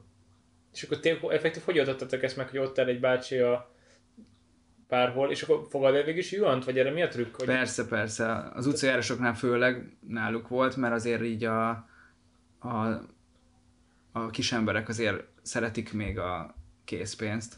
Ha úgy vesszük, most ez egy kis ember, ez így csúnyán hangzik, de a kisebb helyeken mindenképpen, a nagyvárosokban a fiatalok azok meg csak. De egy nagy bevásárlóközpontban, a, tudom én, a helyi ilyen-olyan ruhaboltban sem tudsz nyugati kártyával fizetni, ezt jól értem? Vagy, vagy a helyi szupermarketben? vagy Van szupermarket? Persze. igen, igen. Tehát ezt, ezt jól értem, hogy bemegyek egy ilyen, tényleg egy helyi Tesco-ba, akkor nem tudok egy nyugati bankkártyát használni? Vagy... Nem. Aha. Hm. Azt- De- Szerintem van, ahol kínait se. Szóval Aha. Mm, ők ráálltak erre a rendszerre, és ezt használják, és sokkal egy, valószínűleg sokkal egy- egyszerűbb adminisztrálni, meg hangzik, minden. tehát tényleg annak hangzik, hogyha most így megvan ez, hogy be van épülve ez a WeChat, meg mindenkinek van, és arra könnyen rá tudja tenni a fizetését. És mindenkinek van telefonja? Persze. Mindenkinek a nyakába ott lóg a izé, Mindenkinek. fel van tetoválva a homlokomra a WeChat QR kód, azt küldjed a lóvéd. Telefontöltő, így fogják. Teljesen jó. Ö, még valamit akartam ez. De menjünk tovább. Utolsóan szóval. akartam kérdezni telefon, mennyire kockulnak? Tehát, hogy így, hogy mondjam, Szerintem abból, hogy a motoron is a lyukut nézik, ez Szerintem egy- nagyon. egy- tehát egy- nagyon, egyértelmű, tehát ott ez még társadalmilag, ez társadalmilag károsnak ítéled? Tehát, hogy így elszakadnak, a, még természetben nem nézik a természetet, mert nyomja a tévét? Vagy hogy mondjam, tehát, hogy Hát így, hogy már látta. Hát nem nagyon mennek el szerint. A legtöbb ember nem nagyon megy el onnan, ahol lakik. Szóval azt már látta. Ö, én azt... azt tehát, ők, tehát ők, ők, néznek téged, mert fehér ember vagy, egyébként meg a monitort? Praktikusan ez volt az életérzés mondjuk egy tömegközlekedésen, egy ideig bámul, mert jé, turista, és egyébként megnézi a mink korabeli sorozatot, és Abszolút. Aki meg már látott turistát, az nem bámul, hanem akkor az már csak a sorozat. Nem csak a sorozatot nézi. Szóval Mert ez olyan szomorúan is hangzik valahol, hogy tehát nem sok embert látszak a könyvvel, újsággal. nem, nem. Nem, hogy tényleg mindenki telefont bármi. fog, szóval ö, squatolnak és telefon. Mert nem ülnek le, nincsenek padok. Nincsenek padok. Nincsenek. De durva. mert ö, ugye ők ö, nem ö, tehát nem nyelik le a váladékot, az orváladékot, hanem azt ö, általában kiköpik az utcára, és ezért nem túl tiszták a tehát, hogy a pad nem, Semmi. Tehát semmire nem akar leülni, általában. általában szóval úgy képzeld el, hogy ők á, mi, amilyen magasra fel lehet googolni, oda googolnak. Szóval, ha van egy ilyen méteres patka, akkor oda googolnak, és ott, ül, ott googolnak a fiatalok, és telefonoznak. Vagy ha öregek, akkor is ott googolnak, és, és játszanak egy ilyen táblás játékkal. Uh-huh. A A Google, takonytenger. Bocs. de hogy ez így az elején ezt így tudtam, hogy lesz, tudtuk, hogy lesz, és A köpködés? aha, Aha. és hogy így próbáltuk így ezt így elfogadni, hogy ez egy kulturális különbség, teljesen oké, én így, ő úgy, nincs ezzel gond, de amikor 14. napja mindenki felszívja melletted, és, és csak szeretnél lenni egy zacskós levest, akkor az így már nem, nem Ah. mindig. Meg az volt az utolsó pont, amikor Chongqingban egy öreg bácsi a metrón, és akkor mondtam, hogy tehát, hogy az, egy, az volt bennem, hogy talán a metrón nem fognak oda köpni, de a buszból ki, a sofőr, minden. Ja, Jó, de meg, neki meg az a gáz, hogy te kifújod az órát, és berakod a zsebedbe a zsebkendőt, érted? abszolút, Szóval, ezt mondták is, hogy ez így, Igen, Mi igen. mekkora beteg állat vagy? hogy mi? így fúj. Ja, ja, Ott ja. tartod Te hülye vagy? Elviszed magad? Hát ki is lehet köpni? Ja, akkor mindenki nigázik. Micsoda? A niga az az, az, az ilyen szókeresés, izé. Niga. Ah, cse, hajn, cse, hajn, niga, niga. És így. Igen. És akkor így például így felültünk egy ilyen kis buszra, így egy ilyen ö, vidéki részen, és így felszállt egy öreg bácsi, és így ránéz Zsófira, és Zsófi pedig így szeret mindenkinek köszönni, meg így igyekeztünk ö, illedelmesek lenni, és akkor így köszönt neki, ö, és akkor mondta, mond, így ránéz a csávó, Ni hao, niga. és, és az ilyen, az, az ilyen izé, ilyen szó, niga meg a csiga. Csiga. Csiga, niga. Szóval ők így masszívan nigáznak, validen. A bitcoinra akartam rákérdezni, hogy azzal lehet itt-ott fizetni? Mert azért azt tudjuk, hogy Kína az bitcoin nagyhatalomnak számít, legalábbis a bányászatot illetően egészen Aha. biztos, de nem tudom, hogy így a felhasználási oldalról mennyire van ez így benne a hétköznapokban. Nem vagy? találkoztunk vele. Aha, Ha lehet, akkor, akkor én azt úgy tudom elképzelni, hogy Shenzhen vagy Shanghai, aha, ha, ha valahol lehet. érdekes. Vagy max még Guangzhou. Mhm. Ez a három város van, ahol... Jó, akkor ez az nem szembe ez a, ez a téma. Ez nem. Aha. nem. Oké, felmentetek erre a kis hegyre, a teaföldek, vagy rizsföld, rizs terasz, még Rizs volt a- terasz. Ilyen volt a szállásod is terasz tetején. Gyönyörű volt igazából, ilyen hatalmas ablak, mi voltunk egyedül, ott is volt egy szabad nap, és akkor utána kiüresedett az egész. És kb. Milyen egy kínai szállás? Elégedett vagy egy kínai szállodával, Airbnb-vel, hogy fogadnak, hogy érkezel, távozol? Ugye Airbnb nem volt, de mindenhol mindenki iszonyatosan rendes volt, nagyon figyelnek arra, hogy, a, hogy te ott jól érezd magad, ők, ő, ők azért dolgoznak, hogy te gyere, és hogy mások is jöjjenek, akiknek te azt mondod, hogy jó volt.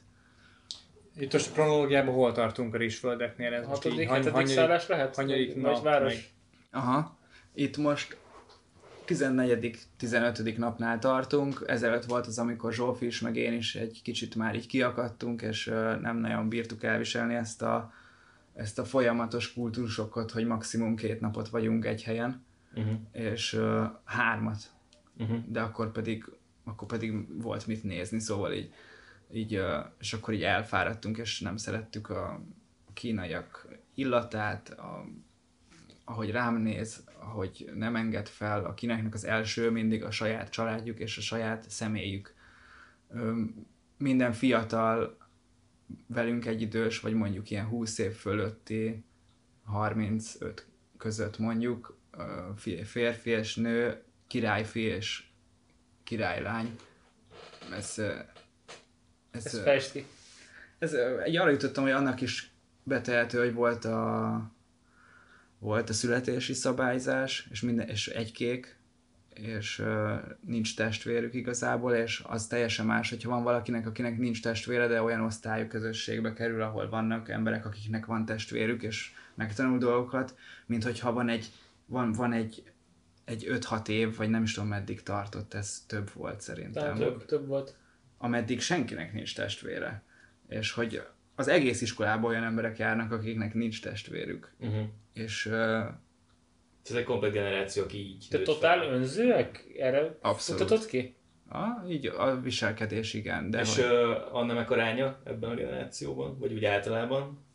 ez teljesen nem, nem, nem, nem billent sehova így szemre. Aha, oké. Számra nem, oké. És Rizsföldeken pihentetek egy kicsit? Azt Gondolom, egy picit feltöltöttél. Ja, ott, ott sikerült egy picit, mert idő is rossz volt, meg egy, egyébként nem is voltak még feltöltve a risteraszok, csak üres parcellák voltak, de így is szép volt amúgy.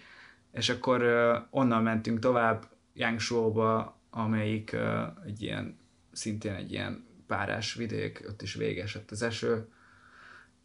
Ezek már inkább ilyen lájtosabbak voltak, és akkor innen át Hongkongba. Uh-huh. Jó, én szeretnék visszatérni egy pár rövid témára, mert Hongkongon szerintem külön kezeljük majd. Um, mennyire tudsz, mint uh, turista elvonulni? Tehát gondolom, hogy nagyvárosokban nincs hova elvonulni. Ez így, tehát mennyire tudsz egyedül lenni magaddal, vagy így, tehát hogy Magyarországon kimész a Margit szigetre, azért úgy el tudsz távolodni emberektől, igaz, hogy az is egy turistás rész, de azért ki lehet menni a placnak valami részére, hogy 10-20 méterre délesre legyen a közeledben, és úgy kicsit A, hát el tudsz, de nem turistás részen. Szóval, hogy ha a belvárosban vagy, az tele van, ha a turistás részen vagy, az tele van, hogyha felülsz a metróra és kimész a város szélére, akkor az úgy oké. Okay. Ott, ott tudsz. Szállások zsúfoltak? Tehát minden zsúfolt? Mennyire, hogy mondjam, mennyire élhető egy európai szemmel Kína, ahogy épül és ahogyan alakul át? Tehát ez mennyire emberbarát? Mindenhol 120 emeletes felhőkarcolók 23,5 négyzetméteres szobákkal, mert valaki számolta, hogy az átlag kínai ennyi centi, és neki most egy ágya, egy asztala és egy széke van. Tehát nem, nem vész Kína, tényleg van területük, van hova, van hova a várost tervezni kifele. Nagy területen vannak a városok Kínába, és, és elférsz. Szóval Tehát így, alapvetően a környezet az kellemesen körbevesz téged? Akár város, akár kisváros, akár falu?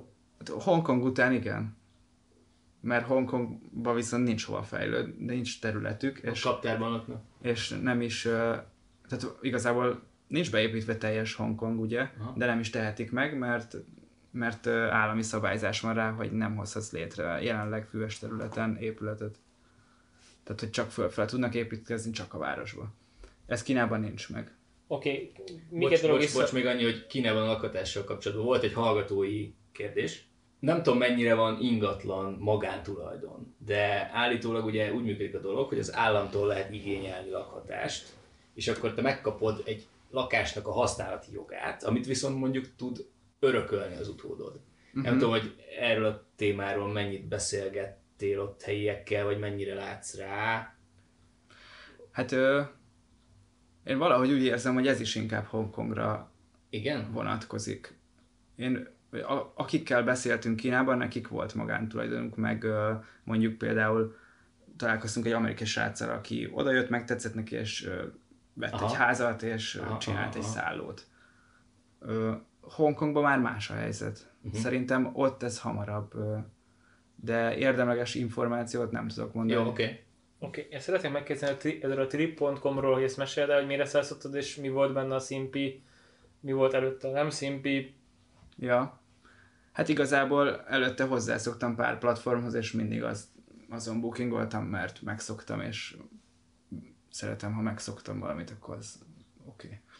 Ezt ajánlották? Tehát, hogy így, hogy akkor, mert én magamtól biztosan nem mennék a trip.com-ra. Ja, hát ugye amikor, amikor két heted benne van, és, és nyomatod a szálláskeresést, meg mindenből a legjobbat próbálod kihozni, hogy, hogy ne legyen csillagos ég, és amúgy nagyon durván jó lett a vége a tripnek ahhoz képest, hogy, hogy mondjuk egy, mert nézegettem ilyen előre szervezett túrákat, és horror árak, tényleg nagyon durva. Oké, okay. mennyibe kerül egy éjszaka szállás, mennyibe kerül egy vonatjegy, mennyi egy buszjegy, éjszakai tudjuk a 40 forint, Mennyi a sör? mennyi a sör, igen, a A, a sör 300 forint, szóval az Profi.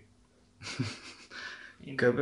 egy éjszaka 5000 forint, kb. Egy Milyen, olyan, milyen jellegű szálláson? egy olyan két, szó, egy olyan két, vagy na, egy olyan Két fő. francia ágyas szobába, ahol általában bent van a fürdő a szobába, Uh-huh. tiszta? tiszta Tök a legtöbb. Ö, ami necces volt, hogy olyan És ez szá- bocs belváros? Aha, Aha. így minimális különbségek voltak, de volt egy 4000 ér is, meg volt 7 ér, szóval ilyen Uh-huh. 5005 ér általában kijöttünk, ami nagyon király. Ö, az volt necces, hogy olyan szállást találjak, ami, amiben nem, hogy nem lehet dohányozni, hanem még nem is dohányoztak. Ó. Mert hogy volt egy időszak Kínában, amikor nagyon sokan dohányoztak, amúgy még mindig elég sokan, és ö, van nem dohányzó szoba, van egy olyan verzió, ami, amiben nem lehet dohányozni, de hogy amúgy lehet. Tehát, hogy, Tehát Szóval, régen ha kivesz- igen, és a fal árasztja. Ja, a... ja. Okay. Szóval nincs információ, szóval nem konkrétan nem dohányzó. De teljesen rendben voltak a szállások. Mi, mi volt még? Az utazás vonatjegyek, buszjegyek, Vonatjegy innen köb, hát 40, 40, 60, 70 dollár, attól függ mennyit mész, de volt olyan, amelyik 14 dollár volt.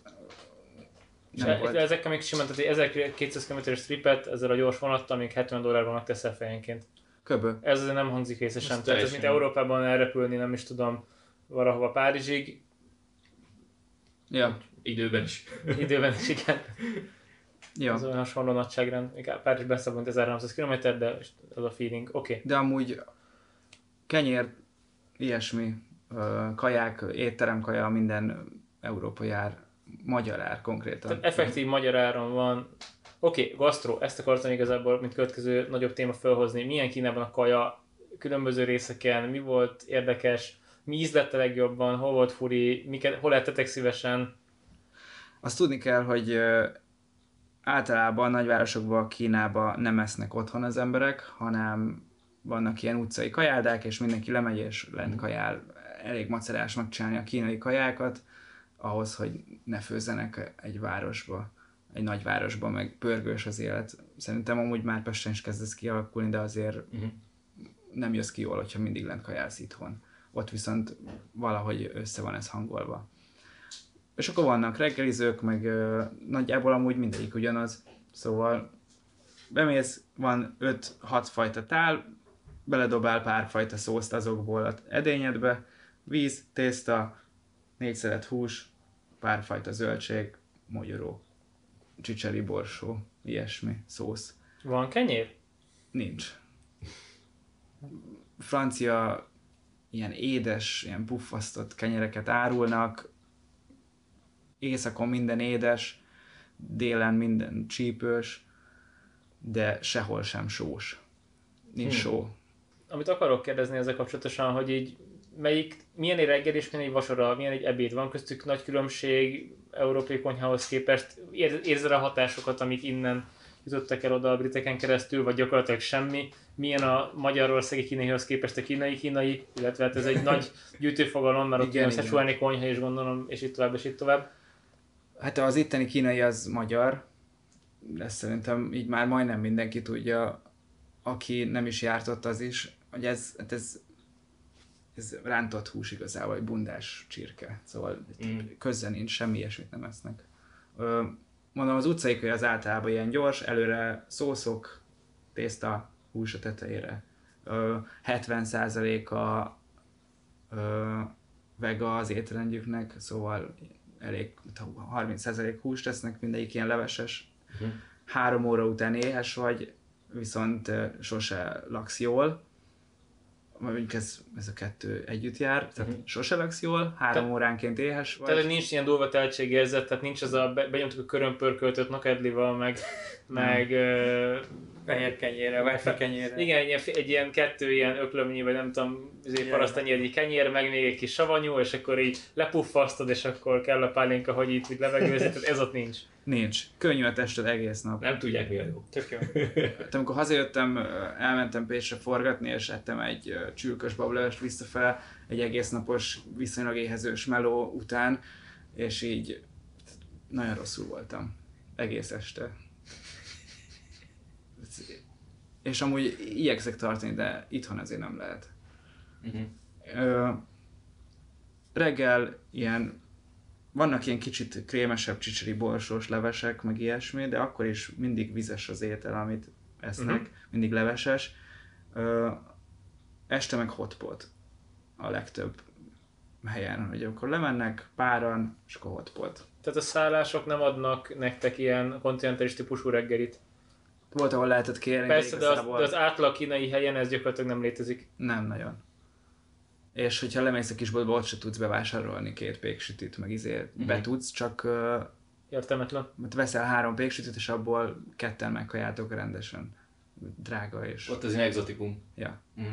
Nincs tejtermék, mindenki laktózérzékeny, 30 centis tejsor van a szupermarketben. Ja.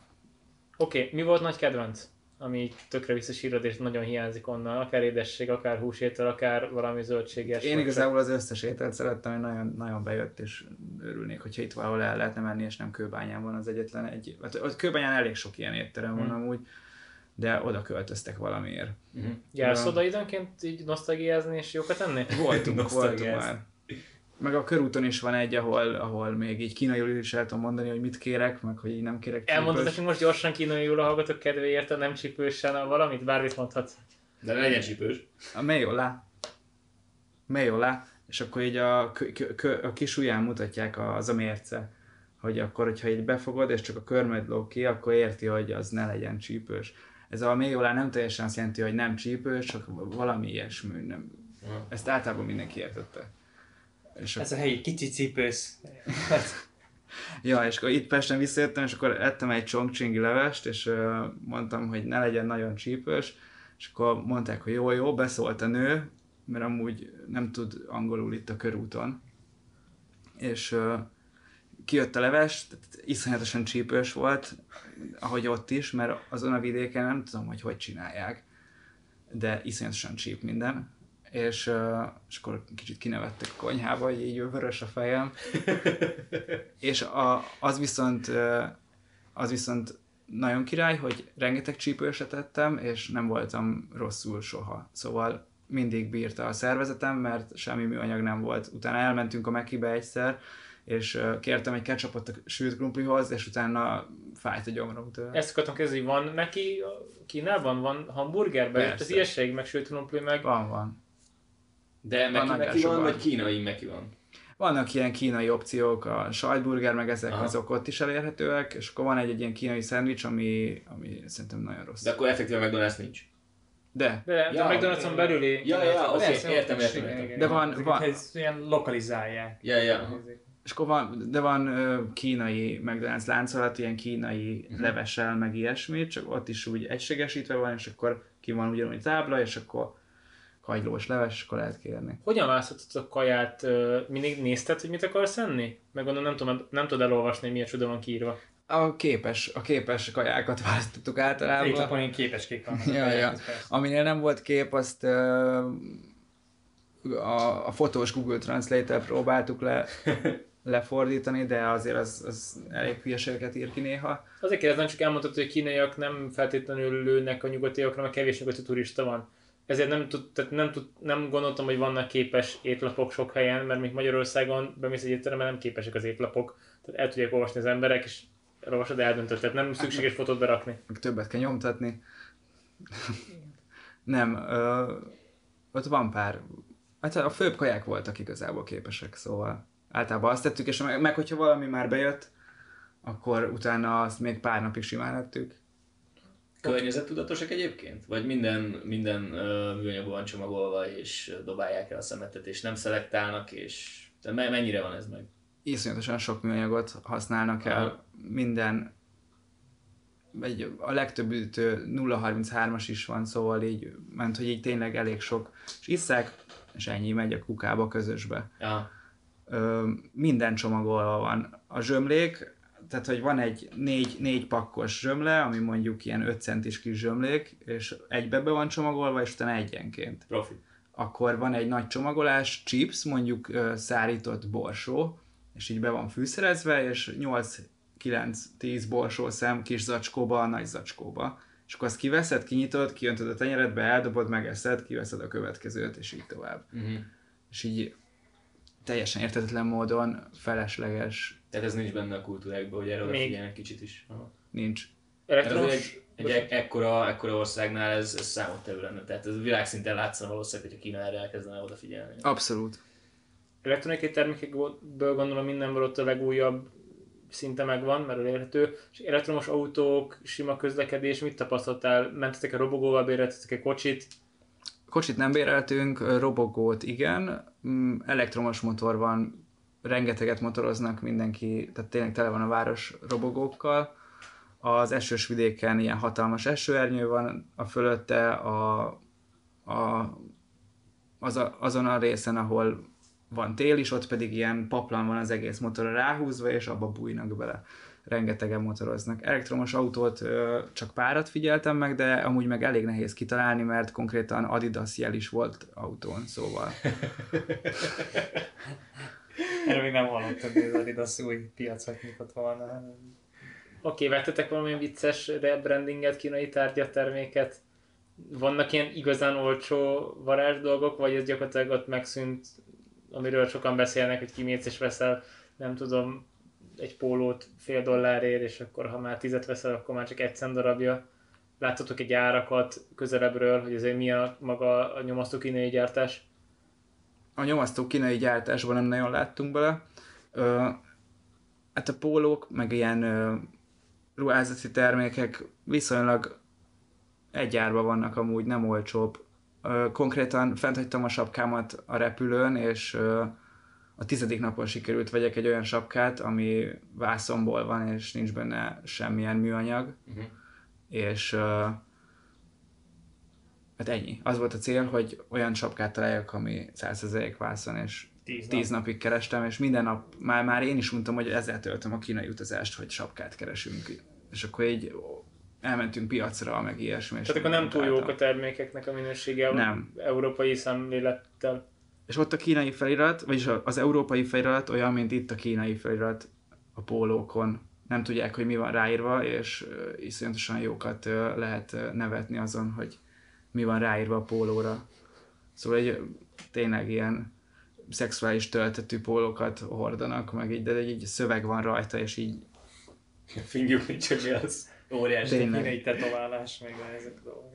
Tehát édesanyjú csirke, ezt valakinek a derekele tetoválva ki. Kispesten, ott kimész, és akkor elolvasod valakin, mondjuk, hogy mit tudom, ilyen, radiátor. ilyen láttunk ilyen, ilyen fogalmakat, hogy így fel van, egy konkrét fogalom van fel, hogy így ilyen, ilyen szótári jelzőkkel, hogy mondjuk mit tudom, homofóbia, kettős pont, dölt jel, és akkor ott le van írva. ja. Hát ez elég furi. Um, aztán csúszunk át lassan kicsit a Hongkong témára, hogy valamennyire érintsük a történetet. Egy, milyen volt Hongkong? És a másik meg az lesz, hogy most ugye elég aktuális ez a, hát a hongkongi, hát nem is lázongás, hanem tüntetés hullám, és hogy ez, erről te mit gondolsz, úgy, hogy tapasztaltad, hogy ott Mhm. milyen élni, milyenek az emberek, hogyan viszonyulnak, miért tiltakoznak azon kívül, ami ugye nekünk azért visz- viszonylag hát egyszerű, hogy szeretnék, hogy ne legyen annyira erős kínai befolyás, de ez hogy a csodában van, és, és milyen volt ott? Átmentetek hirtelen Hongkongba, és akkor dur. Hongkong volt az utolsó állomás, megérkeztünk, és, és az utolsó kultúrsok meg, megcsapott. A, ott, ott már jóval drágább volt a szállás, egy 7 négyzetméteres szobát béreltünk 54 ezer forintért négy napra. Uh-huh. Ami, 7 négyzetméter? abba volt kettő ilyen derékmagas ágy, a kettő között egy 20 centi, és fürdőszoba WC-vel, úgy, hogy a, ha felállsz, akkor zuhanyzol, ha leülsz, akkor WC-n. Vagy. A 15. emeleten, ez abban az épületben volt, ahol Von Kar-wai felnőtt, Róla mit kell tudni? hát ő egy elég híres hongkongi filmrendező, Ah, Oké. és ö, tök véletlenül jött ez össze. Ez egy ilyen hat blokkos épület, és utólag tudtuk meg, hogy az is oda megy először, aki, aki mondjuk Malajziából, vagy mit tudom én, Tájföldről odaérkezik dolgozni, vagy ilyesmi, mert itt a legolcsóbb a szállás, és ez egy ilyen iszonyatosan multikulti hatblokkos épület volt, ahol az első két-három szint az étterem és bolt, de olyan szinten, mivel hogy Hongkongban nagyon drága a terület, és mondjuk egy ilyen, nem tudom, 60 centis egy folyosó, és hogy a folyosón mondjuk volt egy kulcsmásoló srác, aki a falon bérelt felületet, és az összes gépe az függőlegesen volt a falon, és őt így kerülgetni kellett, és ő egész nap úgy dolgozott, hogy kb. folyamatosan neki mennek az emberek, és hogy iszonyatosan durva ez, ez tehát én két napig nem bírnék így Aha. dolgozni. Akkor ott volt olyan, hogy egy kis ajtón benéztünk, és ott volt egy ilyen afrikai bár, egy ilyen pár négyzetméter. És, és ilyen, ilyen és ha beléptél az épületbe, akkor négy, négy méter alatt kb. megpróbáltak neked eladni öltönyt, autót, makaói utazást, mindent. Az alsó szinten csak pénzt árultak, szóval pakisztáni formák, indiaiak, és ott ment a change. Makóban nem mentél el? Nem, oda nem jutottunk Aha. át. És Zsófi mondta, hogy olyan volt, mint hogyha szárnyas fejvadászban lennénk, hogy így tényleg olyan volt, mint egy ilyen skifi. Smog is volt? Mi? Smog is volt? Nem, ott nem volt smog. Az óceán miatt viszonylag amúgy tiszta a levegője Hongkongnak. Ö, találkoztunk, vagy egyik barátom kint tanult fél évig, és még ott volt pont akkor, és bemutatott egy hongkongi srácnak, hogy az egyik kérdésedre válaszoljak, és ő, ő például kifejezetten úgy mutatkozott be, hogy így benne volt, hogy ő hongkonger, szóval nem, nem kínai. Tehát ő nem tartja magát kínainak. Nem. Amúgy ez is egy érdekes adat, hogy így azt hiszem, hogy 93-ig ö, fordítva volt ez a dolog. És a hongkongiak, kínaiak tartották magukat, és utána az állam elkezdett erősíteni bizonyos Uh-huh. ö, frontokon, és utána létrehozta ezt a hongkonger identitást. Uh-huh. Nyilván ez felébred benned, hogyha jön a nyomás fentről. Igen. Milyen Hongkong? Tehát egy borzasztó zsúfolt, és ez te minden egyes részébe ezt tapasztalod, hogy végtelen mennyiségű ember, hatalmas épületek, Mindenhol. és hangyának érzed magad? Nagyon, nagyon pici vagy, és mindenki pici, és csak ott mozogtok, és, és mindenki tart valahova folyamatosan. Ott tényleg éjszaka is tele volt a város. Voltunk azon a részen is, ahol vannak ezek a ketrec lakások, Uh-huh. ami igazából úgy néz ki, hogy mivel hogy nagyon drága a lakás, a, az ismerősöm, aki kint volt, ő nagyjából 120 centi széles volt a szobája, és hát mondjuk az is ilyen, szerintem 5 négyzetméter volt, az volt ö, 160 ezer forint Havonta. per hó. És az volt a legolcsóbb szállás, amit talált, és egyedül van, az is egy ilyen, egy dormitori volt. Ö, és a, a hongkongiak, meg akik ott dolgoznak, ugye a vidékre nem lehet leköltözni, mert nincs, bent vagy a városba, és vannak ezek a ketrecházak, ami úgy néz ki, hogy van egy lakás, azt valakinek a tulajdona beépíti három emeletes ágyakkal, és le, le ketreceket épít konkrétan a emeletes ágyak oldalára, és kis ajtó van, azon tudsz bemenni, és az a te lakásod, ott van az összes cuccod, ott laksz. És hat másik ember is, de hogy csak a ketrecet bérelt azt a picit. Ugye, de mint vannak ezek a kapszula hotelek.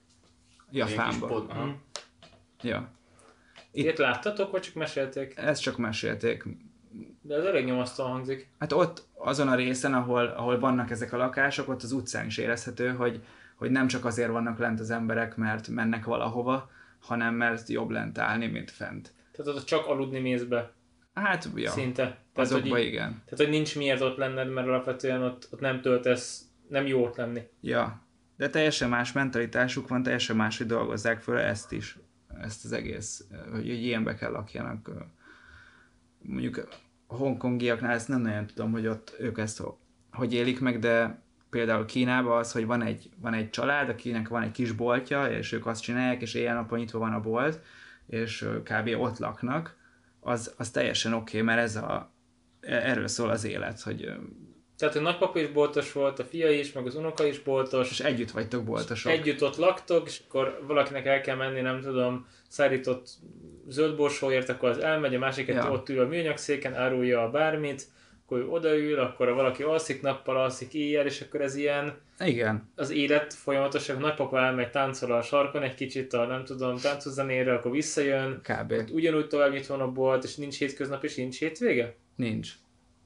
Nincs, az ilyen kis boltokban nincs. És az, az, az a lényeg, hogy a családi kasszát növeled, és például az egyik ilyen kisboltba segítettem bevinni a, a vizeket, ilyen gallon vizeket, és hogy a lakásukba, a fenti részbe, és nincsenek bútorok, nincsenek képek, nincs semmi, annyi van, ahány ember van, annyi ágy van, ez a mainland Kína.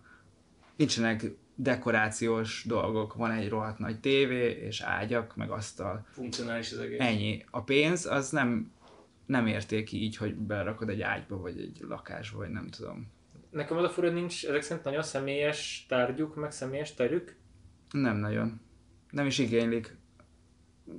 A, több helyen benéztünk így a lakásokba, és ott lakik több generáció, főleg így a vidéki Kínába, és a plazma tévé megvan.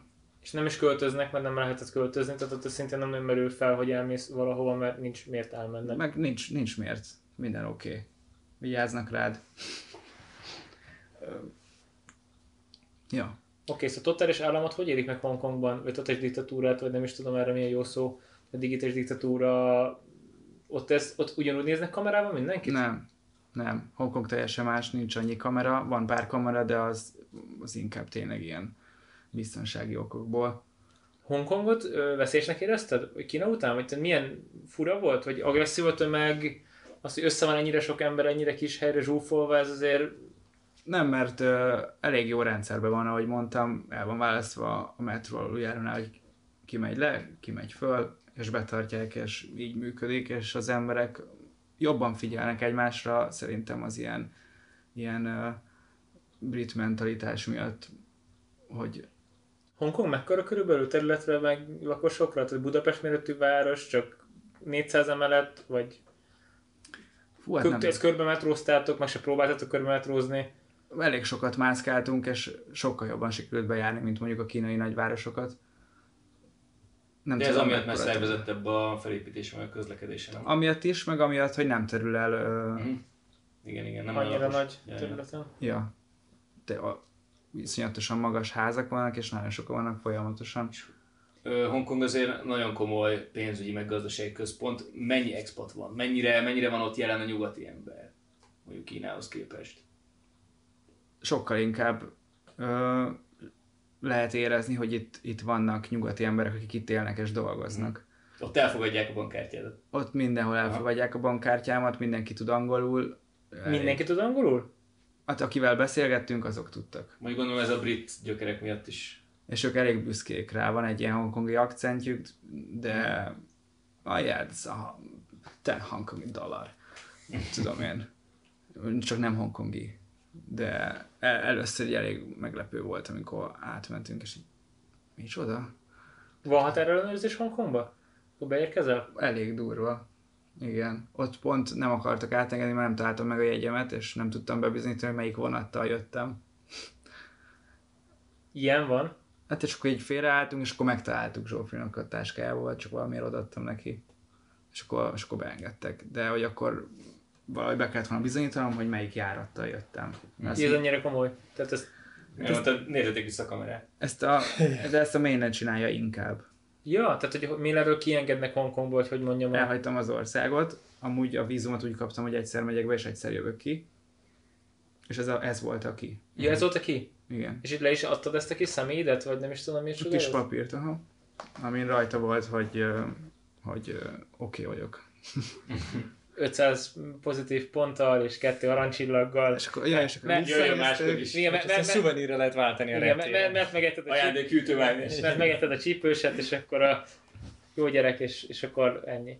Kemény. És Hongkongból jöttetek haza ezek szerint? Igen. Hongkongból jöttünk haza, úgyhogy Pekingbe szálltunk át, csak ott nem jöttünk ki.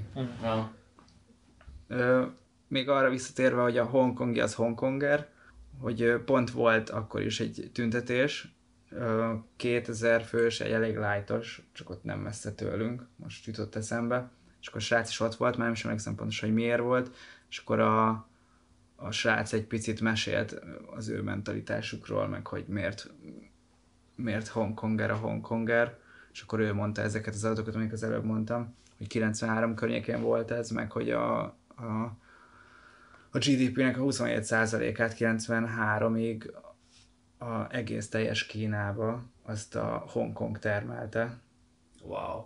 és most pedig 3%-át termeli. De az még így is jelentős, hogy tegyük hozzá, hogy... Igen, De-. De a 27 az nagyon durva. Hát ez nagyon durva, meg hogy akkor mennyit nőttek a kínai nagyvárosok azóta. Tehát, hogy akkor valószínűleg ez volt az egyetlen nyugati típusú város, vagy szolgáltató központ, és mindenhol máshol ott semmi. Abszolút. És hirtelen ezeket meg elkezdték fölhúzni. Durva. A kínai, hogyha valamit fel akar húzni, azt megcsinálja, és az holnap ott lesz. Tényleg 2500 méter magasan át vannak fúrva a hegyek, és megy az autópálya. A Iszonyat. rendőröket, katonákat sokat láttatok az országban? Vannak, de nem, nem zavaró. Szóval, hogy amikor néha Pesten volt ilyen, hogy az aluljáróban meglátsz egy ilyen fegyveres arcot, az sokkal feltűnőbb. Tehát, mm. tehát, hogy kint ezt nem érezted nyomásnak semmilyen... Hongkongban akkor voltak már, vagy akkor, amikor ti kint voltak, voltak tüntetések? Komolyak? Nem, vagy akkor nem. nem. igazán. Akkor ez, ez, ami most van, az még messze nem volt. Erről Mostanról mit gondolsz, ha bármit gondolsz is, vagy nem lesz nagyon bele? Hát ö,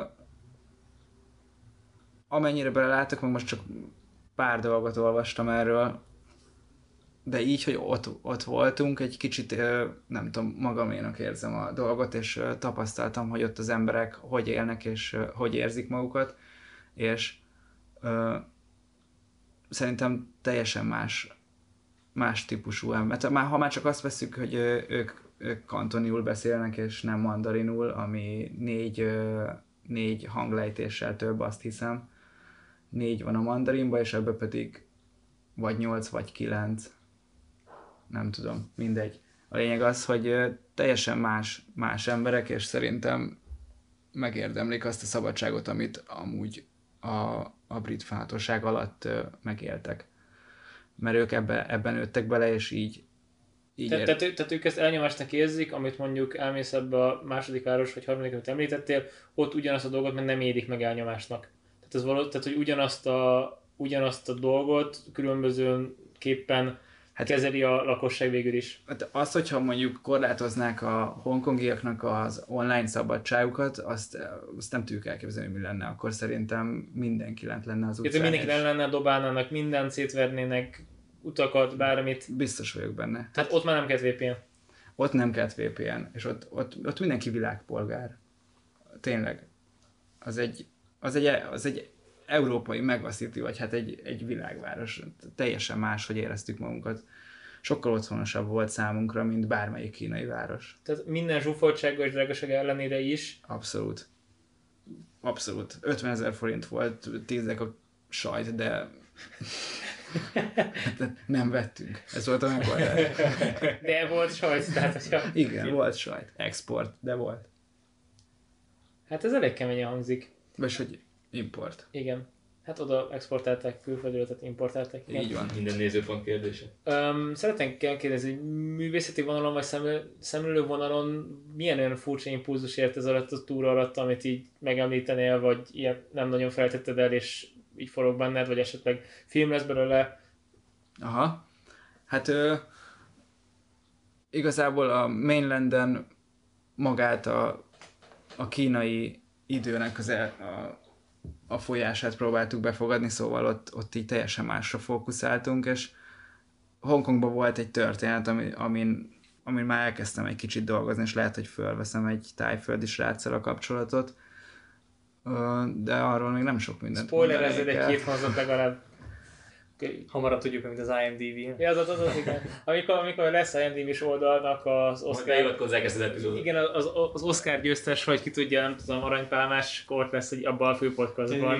Mondta először, hogy Ja, hát ez egy, ez egy olyan történet, ami, aminek lehet találni egy ilyen európai verzióját, konkrétan ránk is jellemző, vagy egy, egy ilyen balkáni történet, tehát lehet párhuzamba vonni vele, hogy mondjuk a moldáv munkás, amikor ide jön Pestre, és egy új építésű házat épít, mert most már amúgy szerintem túlnyomó részt moldávok építik, legalábbis itt a 13-ban környékünkön. Ö, ők hogy élik meg azt, hogy konténerbe laknak itt Pesten, és hogy mondjuk egy tájföldi srác, aki elmegy Hongkongba, és tényleg egy 6 négyzetméteres szobába él az mondjuk két évet, és rengeteget dolgozik, és történik valami azzal, a, amit felhalmozott, azt hogy éli meg, és, és utána eltűnt Hongkongból a srác. Most igazából ez egy elég zavaros dolog így, amit mondtam. nem baj. Nem, annyira nem egyébként. De Jó. inkább, inkább. Ez egy tök izgalmas Értek. témafelvetés, tehát ez ilyen pontosan a legjobb ilyen leírás, trailer. Egy pontosan egy, ezt akartam mondani, hogy ez egy trailernek Tehát ez az a cucc, hogy ami- így pont annyi kérdést vetett föl, amitől érdekes lett. Ami most valaki rohadtul adjon pénzt, csináld meg, és meg akarjuk nézni. Tehát hogy így ebből ez a, ez a konklúzió, úgyhogy a producer ismerőseket a, a podcastba várjuk, hogy jelentkezzenek egy e-mail üzenetben, és Hang, hangüzen. hangüzenetben, és, és nyomjanak pénzt Gergőnek, tehát majd összekötjük őket, hogy akkor erre így némi támogatás hújjon be, mert ez egy tök izgalmas téma. Ez volt, ez volt egy elég érdekes sztori. A, mert ez egy igaz történeten alapulna, amit ott az egyik uh, hongkongi helyen tapasztaltunk, vagy mesélt a srác. Ja, Oké, okay. van a dolog, ami most így benned ragadt hirtelen, nekünk végtelen kérdésünk maradt. Ne, nekem Ö, nincs. Még otthon így átgondoltam, hogy így nektek mi lehet érdekes, amiről mindenképp kéne beszélni, csak most így a beszélgetés közben így elmásztam egy csomó irányba, meg így többet kérdeztetek az útról, mint gondoltam, és azt hittem, hogy így rá specifikálódunk bizonyos részletekre, mint a bank, meg a Hát ami QR kód, de ezekről most beszéltünk. Szerintem ez így Most elmondható. többet hogy- kell majd. Igyekeztünk így bele. Ez egy erősen csapongó podcast, nekünk ez a normális. Jó. menet, szóval Na, hát szerintem ez egy uh, ritka tanulságos és inspiráló beszélgetés volt. Én, én, én személy szerint köszönöm, hogy ezeket mind megosztottad velünk. Maratonra sikerült, de igazából kíváncsi is vagyok így a hallgatók véleményére, hogy mit szólnak egy ilyen közel mennyi másfél, két órás adáshoz. Talán ez volt eddig leghosszabb adásunk. Egy Abszolút. formát. Köszönjük szépen, hogy itt voltál velünk. Ha nektek bármilyen kérdésetek van, akkor tegyétek fel Facebookon, e-mailben, hangüzenet formájában, bárhogy. És uh, Megkérjük Gergőt, hogy köszönjük, hogy itt voltatok. Sziasztok! Sziasztok! Sziasztok!